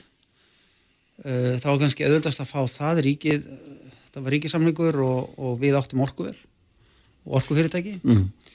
sömdum sjálfur við, við um orkuna og, og síðan seldum við orkuverið og þá fór, fór allt í fjandar Mm. og þá kom við kísöfurinn þannig að þetta er bara saga síðustu 30 ára. Og hún er ein sorg. Og, og við getum sagt að bara sveitafélagið eitt og sér er sennilega búin að tapa eitthvað á biljonu 67 miljardum á þessum verkefnum á þess að fengi krónu í staðin og ríkið hefur aldrei komið inn með okkur Þetta, þetta, er sveitafélagi búið að tapa á núverði 6-7 miljardum Já, fyrir króna? uppi staðið á þessum 30 árum uh, Við náttúrulega laðum mikla framkvæmt fyrir álverið Já. og uppreiknaðu kostnar bara við álverið allar, allt jarðraskið og lóðirnar, þetta er teljum við núna í dag yfir, fimm, yfir fjóra miljardar uppreiknað Mhm. og uh, allar hafnaframkvæmnar og allt það sem hefur verið gert þar í kringum kísirverið við höfum tapað gríðarlegum peningum á þessu. Og uh, það var alltaf einhver leið að leysa atvinnumálin svona í einum vettvangi. Og stóru fyrirtæki sem komum til okkar fá ódýrust orku í Európu, Mm. vildu það auglistum það, hvernig er ódýrust orkan.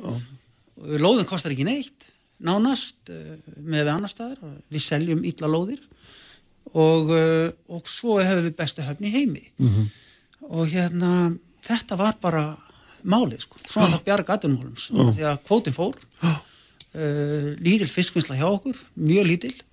Þó hún sé greiðilega mikið á suðu nesum, þá lítið okkur. já, já, lítið ykkur það rétt. Mhm. og þá hann keirðu líka mikið til okkar en, en þetta var svona draumurinn einhvern veginn, það redda þetta sko. Starðin er svo að í öllum að því varst nú með fjármála spekulanta þá Mm. er það litlu fyrirtæki sem bjarga okkur. Mhm. og við vorum kannski ekki að hlúa nógu vel að þeim en við ætlum að finna stóra málið og kísilverið er bara dæmi gert um það. Það byrjar 2000 og fyrir 2000, upp á 2009 þá er Erlendur aðilar og svo íslenskum aðilum sem vilja byggja kísilverið og svo uh, gengur það nú ekki alveg eftir að þannig að einn aðilinn heldur áfram og við störtum þessi kísilverið 2016 þá var búið að breyta skipulagi á staðnum og, og hérna síðan koma teknikarnar að kísilverinu uh, sem voru því miður samþýttar af byggingafulltrúa ennbættinu Mm. Uh, byggingafulltrúa misti atvinna vegna þess þess að hann samþýtti teknika sem voru í anstöðu við skipulagið. Já, og þannig er þetta aldrei staðan í dag varandi enduræsingu byggingarnir uppfyll ekki uh, deiliskypulags hérna, sami deiliskypulag og hátt. Mhm. og við höfum ekki samþýtt þessa, þessa tillögu. Sem að liggur fyrir núna um, um, um, um nýtt nýtt eða, eða endurræsingu þessa, Já. Þessa við reyndar ekki búin að formulega fá erindið en skipulagstofnum hefur sendt okkur beinu um að, að breyta skipulagin í takt við eins og byggingarnar, byggingarnar líta út í dag Já, þannig að það á endurræsa verið bara í, í, í þeirri mynd sem það áður var í raun og í veru. raun og veru. Já, Svo eru einhverja viðbætur sem Mm. við erum ekki alveg búin að sjá hverja verða en þetta þarf að samþykjast í bæðastofn. En þetta er eina tækið sem við í raun höfum í dag varðandi framtíð hérna, kísvæsins vegna þess að það er skipulastofnum sem, sem hérna, veitir leifið og umhverjastofnum gefið þeim síðan starfslöfi. Já. Við höfum ekkert með það að gera. Þetta er ekki alveg eins og eitthvað vestæði sem hún byggir hérna, í Keflavík eða Nervík. Þar getur við ákveðið og heilbíseftillit söðunis að gefa síðan rekstarleifið og, og hefur eftirlit. Mm. En þessar stóru stofnarnir hafa eftirliti með þessu. Aha. Þannig að við erum volið lítill spilari í þessu sko. Mhm.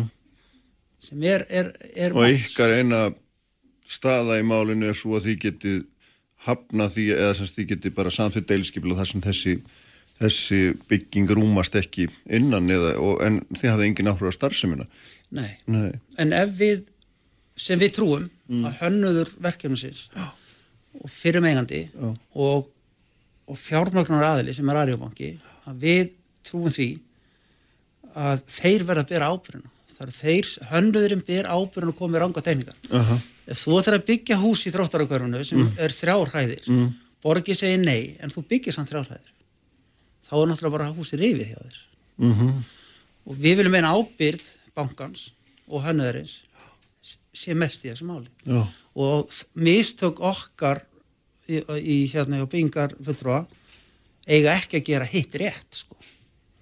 En fyrir utan það, þá höfum við gert kannanir árlega uh, meðal íbúa í nokkra ár og mikill meira hlut íbúar um þessu. Mhm. Veikindin uh, og vandrargangur sem var á síðasta kísaveri var bara með þeim hætti að þetta væri ekki fólki bjóðandi á engan á. Og þið hafði enga trúið sé hægt að hérna, gera þetta betur eða hvað? Nei, við höfum enga trú á því. Þið hafði enga trúið því? Nei, og við stjórnmálmenn eru valdir af íbúin til að stjórna og Mm. hafa skoðun Mm. og þessi meirhluti sem hefur verið þarna núna síðastlega átta ár, svona mestu leiti hann er alfarið á mótsu allir fulltrúar eru á mótsu og ég myndi halda að sennilega tíu af 11 bæfulltrúum eru á mótsu og um, ég trúi ekki að menn gangi svona langt. En við höfum rætt við Arjóbanka nokkru sinnum og vildum vinna með þeim að niður sem við er Vestmjöðuna náttúrulega á versmiðuna núna. Já, já, leist hana til sín í þróttinu já. við höfum samband við þá og vildum stopna atvinnuþróunafélag með þeim Mhm. til að sjá hvort við getum gert þetta til langra framtíðar eitthvað gott í Helgvík sem er ju bara hverfi inn í Keflæk Mhm. Keflæk hverju okkar og við töldum, töldum okkur verið að ná samkomlaði það að selja veðsmiðuna í burtu og byggja upp eitthvað skemmtilegt uh, saman því miður þá hérna dróði þessu út af því uh, vildu að sveitafélagi tæki meira áhættu sem við töldum við erum búin að gera alveg nóg með þessar Já. miljardar sem við erum búin að henda í þetta Aha. og hérna og svo hækkaði kísiverið verðið á kísil. Já. þannig að þetta var allt í henni físlegt Já, þá verður þetta spennandi aftur fyrir bankan að hérna. Já, að selja, selja þetta. allir get ekki selt þetta á geti tím, ég myndi með 10-15 miljardar og nýja aðræðinu munu leggja 6-7 í þetta. Mm. þannig að hagnaði banka sig gríðalegur að selja þetta. Ég er búin að hitta fórstjóra á PCC Já, sem sagt PCC á bakka sem nei, er, nei, PCC á í Þískalandi sem Já. er yfir öllu á meira hlutan á bakka Já. 80% og það er þeir sem eru, hafa áhuga að koma til ykkar Já. og taka þetta yfir. Já. Ég hef hitt hann og, Mhm. og ég tilkynnt hann þá að, að, hérna, að samfélag væri á móti þessu og bæjastjórn væri á móti þessu og við mötum gera allt til að reyna að, að stöðva þetta og beita öllum ráðum sem við getum og hérna og hann sagði þá við mig að hann hefði ekki mikið áhuga á að koma með fyrirtæki sitt inn í samfélag þar sem hann væri strax orðin óvinnurinn Mm þannig að viljafylýsingin komur óvart en eh, ég vil nú trúa því að menn snúi tilbaka með það. Og hvað, hvað svona, hvað gerist svona næstu, ég veit ekki, segja mánuðum ári eða svo, hvernig, hvernig svona, Næstu skref? Hver eru næstu skref í, í Næstu skrif Í er að það saman. kemur formlegt bref til okkar frá, frá hérna Ríðanbanka sem mun hérna óska eftir að við breytum skipulagi. Það er ekki komið en það, ég býst við að það koma á næstunni uh, síðan á umhverfisstofnun eftir að veita aðeins starfslefi, það er örgulega umfjöldum þar Mhm. uh, og þá munum við bara ráða okkur ráðum og, og reyna að fara þá leiðir sem við getum til þess að koma við vekk fyrir þetta verði. Við erum mjög ákveðin í því. Þið eru bara gallverð á því að þið ætlið að beita skipilars ákveðanum til þess að stoppa þessa framkvæmd. við munum tala við alla hlutafa bankans, Arjóbanka, þar eru nýju lífriðsjóðir við munum tala við þá. Uh, samtök andstæðinga kísivessins í, í Reykjanesbæ uh, ætla að byrja að ringja núna í alla viðskiptavinni bankans. Menn ætla að fara í stríð. Þetta er aldrei kona fyrir stríð sko. Og við höfum náttúrulega ekki eins mikið fjármagn en við höfum fólki með okkur. Og uh, ég myndi segja það að þetta væri við færum í stríð. Mm. og við erum til í það en nú kemur einhver og segir hérna, hvað glerði því að hérna, þarna koma, ég veit ekki, x mörg störf, tugi starfa og, og hérna blómlega tekið fyrir bæjar, bæjarfélagið og, og svo framvegis. við teljum að, að hérna það sé ekki þess virða að, að taka áhættuna með heilsu og líf fólks í nei. Hafið þið fengið að sjá einhverja hugmyndir um sagt, annars konar starfsemi þar að Já, það eru- betur útfærða starfsemi ekki orðað þannig heldur en var þannig í upphafi. við höfum náttúrulega fengið þessa skýslu sem skipustónum var ekki út sem, sem ger, er mjög góð lýsing á allir starfseminni Já. tæknilutunum og, og umhverfismálunum. Þar kemur fram að þetta mun hafa verulega áhrif á loftgæði. Já, það er bara sagt það er bara sagt í skýslunni uh, og það er líka lítið vitað um þegar kísverið var starfandi síðast þá var mælingar á nokkrum efnum. En það kom síðan í ljós setna að það voru mikið fleiri og öðruvís efni sem fór út rókjörn efni sem sköðuðu, sem skadaði heilsu fólks. Og það, við höfum ekkert í höndunum að þetta verði eitthvað betra. Nei. og við erum bara eiginlega komnum með nóga þessari stórið og í nýju skiplaði sem við erum að samþykja núna í næsta mánuði þá erum við að breyta uh, þessum hugmyndum yfir í græn svæði í Helgavík og við munum keira á minni fyrirtæki þjónustu fyrirtæki og við erum að byggja upp núna stór svæði saman með Katikó ríkisfyrirtækinu sem er upp á, upp á Ásbrú sem, sem tók við gamlu, gamla hersvæðinu. Mhm. og það eru mjög mikla væntinga til þess. Og Helgavík er stór hlut af því. Þannig að við viljum frekar horfa þangað til alþjóða samfélagsins í nýjan veruleika í okkur sem tengist á flugi og samskiptum. Um, og dæmi gert er kannski aðri flugudur við um heiminn eins og í Hollandi og víða og við sjáum tækjum að vera þarna og við finnum mikið áhuga á því Mhm, mhm. þetta snýst um flutning á vörum, tæknifyrirtæki, tölufyrirtæki Já. sem sína áhuga En nú er, er, nú er þessi lóð andla í eigu bankans líka Já. er það ekki auk, auk vestmiðinu sjálfrar Já, við en, erum en, alveg en veldur það á, á skipulæginu hvað má gera á lóðinni eða hvað? Í raun og veru ekki Nei, það gerir það ekki það gerir það ekki, þú, þú, þú fær leifið Já. þú sækir um lóð og, og hérna fær lóðina og þá svo framlæstu uppfyllið þau skilur sem umhverfistofnun og Já. skipastofnun segir, þá Já. getur þú farið í gang Já. það er vandamála, við höfum ekki valdið nema að segja nei við þig þegar þú sækir um lóðina Já, og það, það er úr ykkar höndum að það sjálfsögðu. er úr okkar höndum í dag en við höfum áhuga þá bara að kaupa lóðinu tilbaka Já. við myndum bara, við viljum fara í samstarf með aðilum sem vilja kaupa vesmiðin og flytina erlendis Mhm. og þá myndum við uh, og erum tilbúin til þess að, að leggja hann fjármunni til að kaupa lóðunum tilbaka til að auðvelda þennan auðvelda þessi viðskipti að þetta fari Mhm. og við höfum sagt það við Arjónbanka Og þetta lítur að kosta ykkur einhverja krónu líka. Já, þetta eru ykkurar, við verum að taka þá vinstri vasan Reksturinn hjá sveitafélaginu gengur vel og, og við erum Já, í, það er, það er nú nýjar fréttir með að við undarfarin mörg ár held ég hljóta að vera. Já, og þetta hefur gengið ótrúlega vel hefur Kristján að snúa þessu við og við, Mm. erum, við skilum hagnaðu síðast ári Mm. og við erum búin að kaupa allar eignir okkar tilbaka sem voru seldir alla skóla, allt sem er komið tilbaka til okkar núna og við höfum borgað niður skuldir og, og við stöndum vel þrátt fyrir Mm. erfiðleika í COVID þetta hefur og það er ekki síst íbúum að starffólki að þakka, það hefur Mm. gengið ótrúlega vel Mhm. En hvers konar samtal er hjá ykkur við eigandan, bankan, þessa dagana því að nú er hann auðvitað tiltörulega svona nýbúin að gefa út stefnuplakum um hérna til, uh, sem hann er að horfa inn í sína framtíð og, og hérna tala mikið um græn tækifæri og, og svo leiðis því að ljótið að vera reynd að hafa þetta til þeirra um það Já, við höfum gert það. Ég hitti fulltrá bankans uh, fyrir þreim mánuðin síðan og hérna og síðasta samtala okkar var að þá veg og þeir myndi hafa sam, uh, óskætti formlegum viðræðum við okkur. Það er endur ekki komið en í kjölfar þessa þá munum við senda stjórnbankans erendi og óskæftir viðræðum Mhm. um aðra lausnin heldur en þessa og uh, ég á vona því að við göngum frá bókun á bæstöndufundi á þriðudagi næstkomandi og í kjölfari munum við óska formulega til fundi með forstjóra bankans.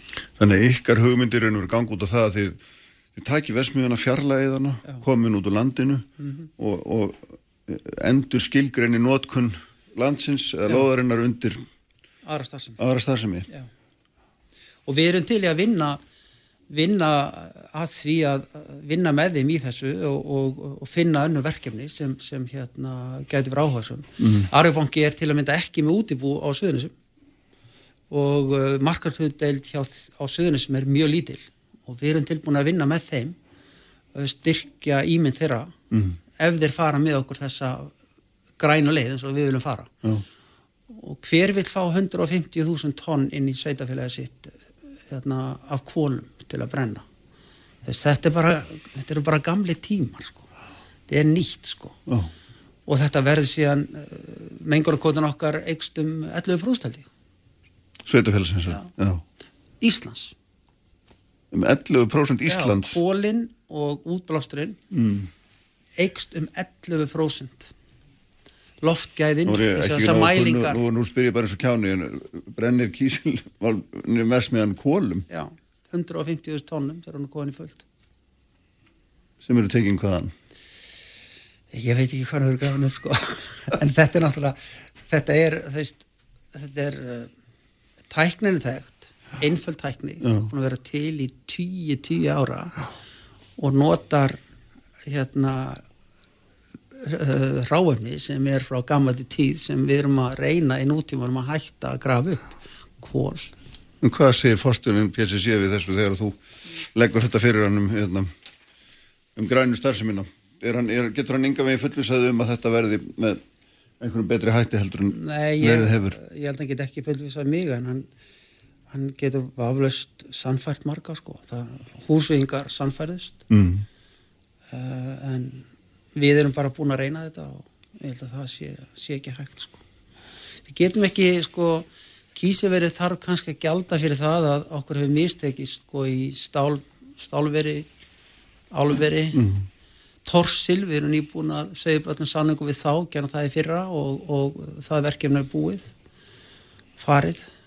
Sko á- í Helguvík átt að vera 6-7 versmiður allskins versmiður og þetta var bara pólitík gamla tímas þetta minnum við aldrei þegar allir átt að eiga skuttóðara sko.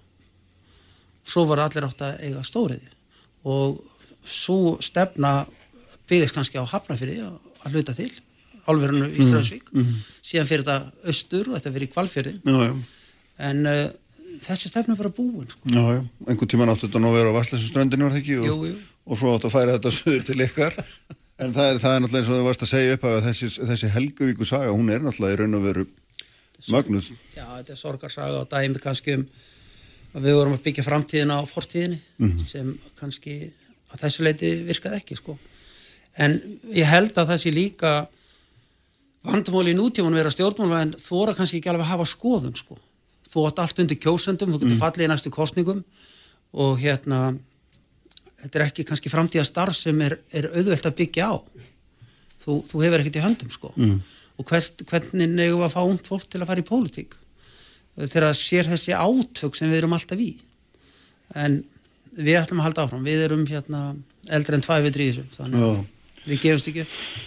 Ég gefist ekki upp og það verður hérna menn setjast í síman og ringi alla viðskiptunni Erarnberga það verður nú það verður frólægt að fylgjast með því hvernig það gengur.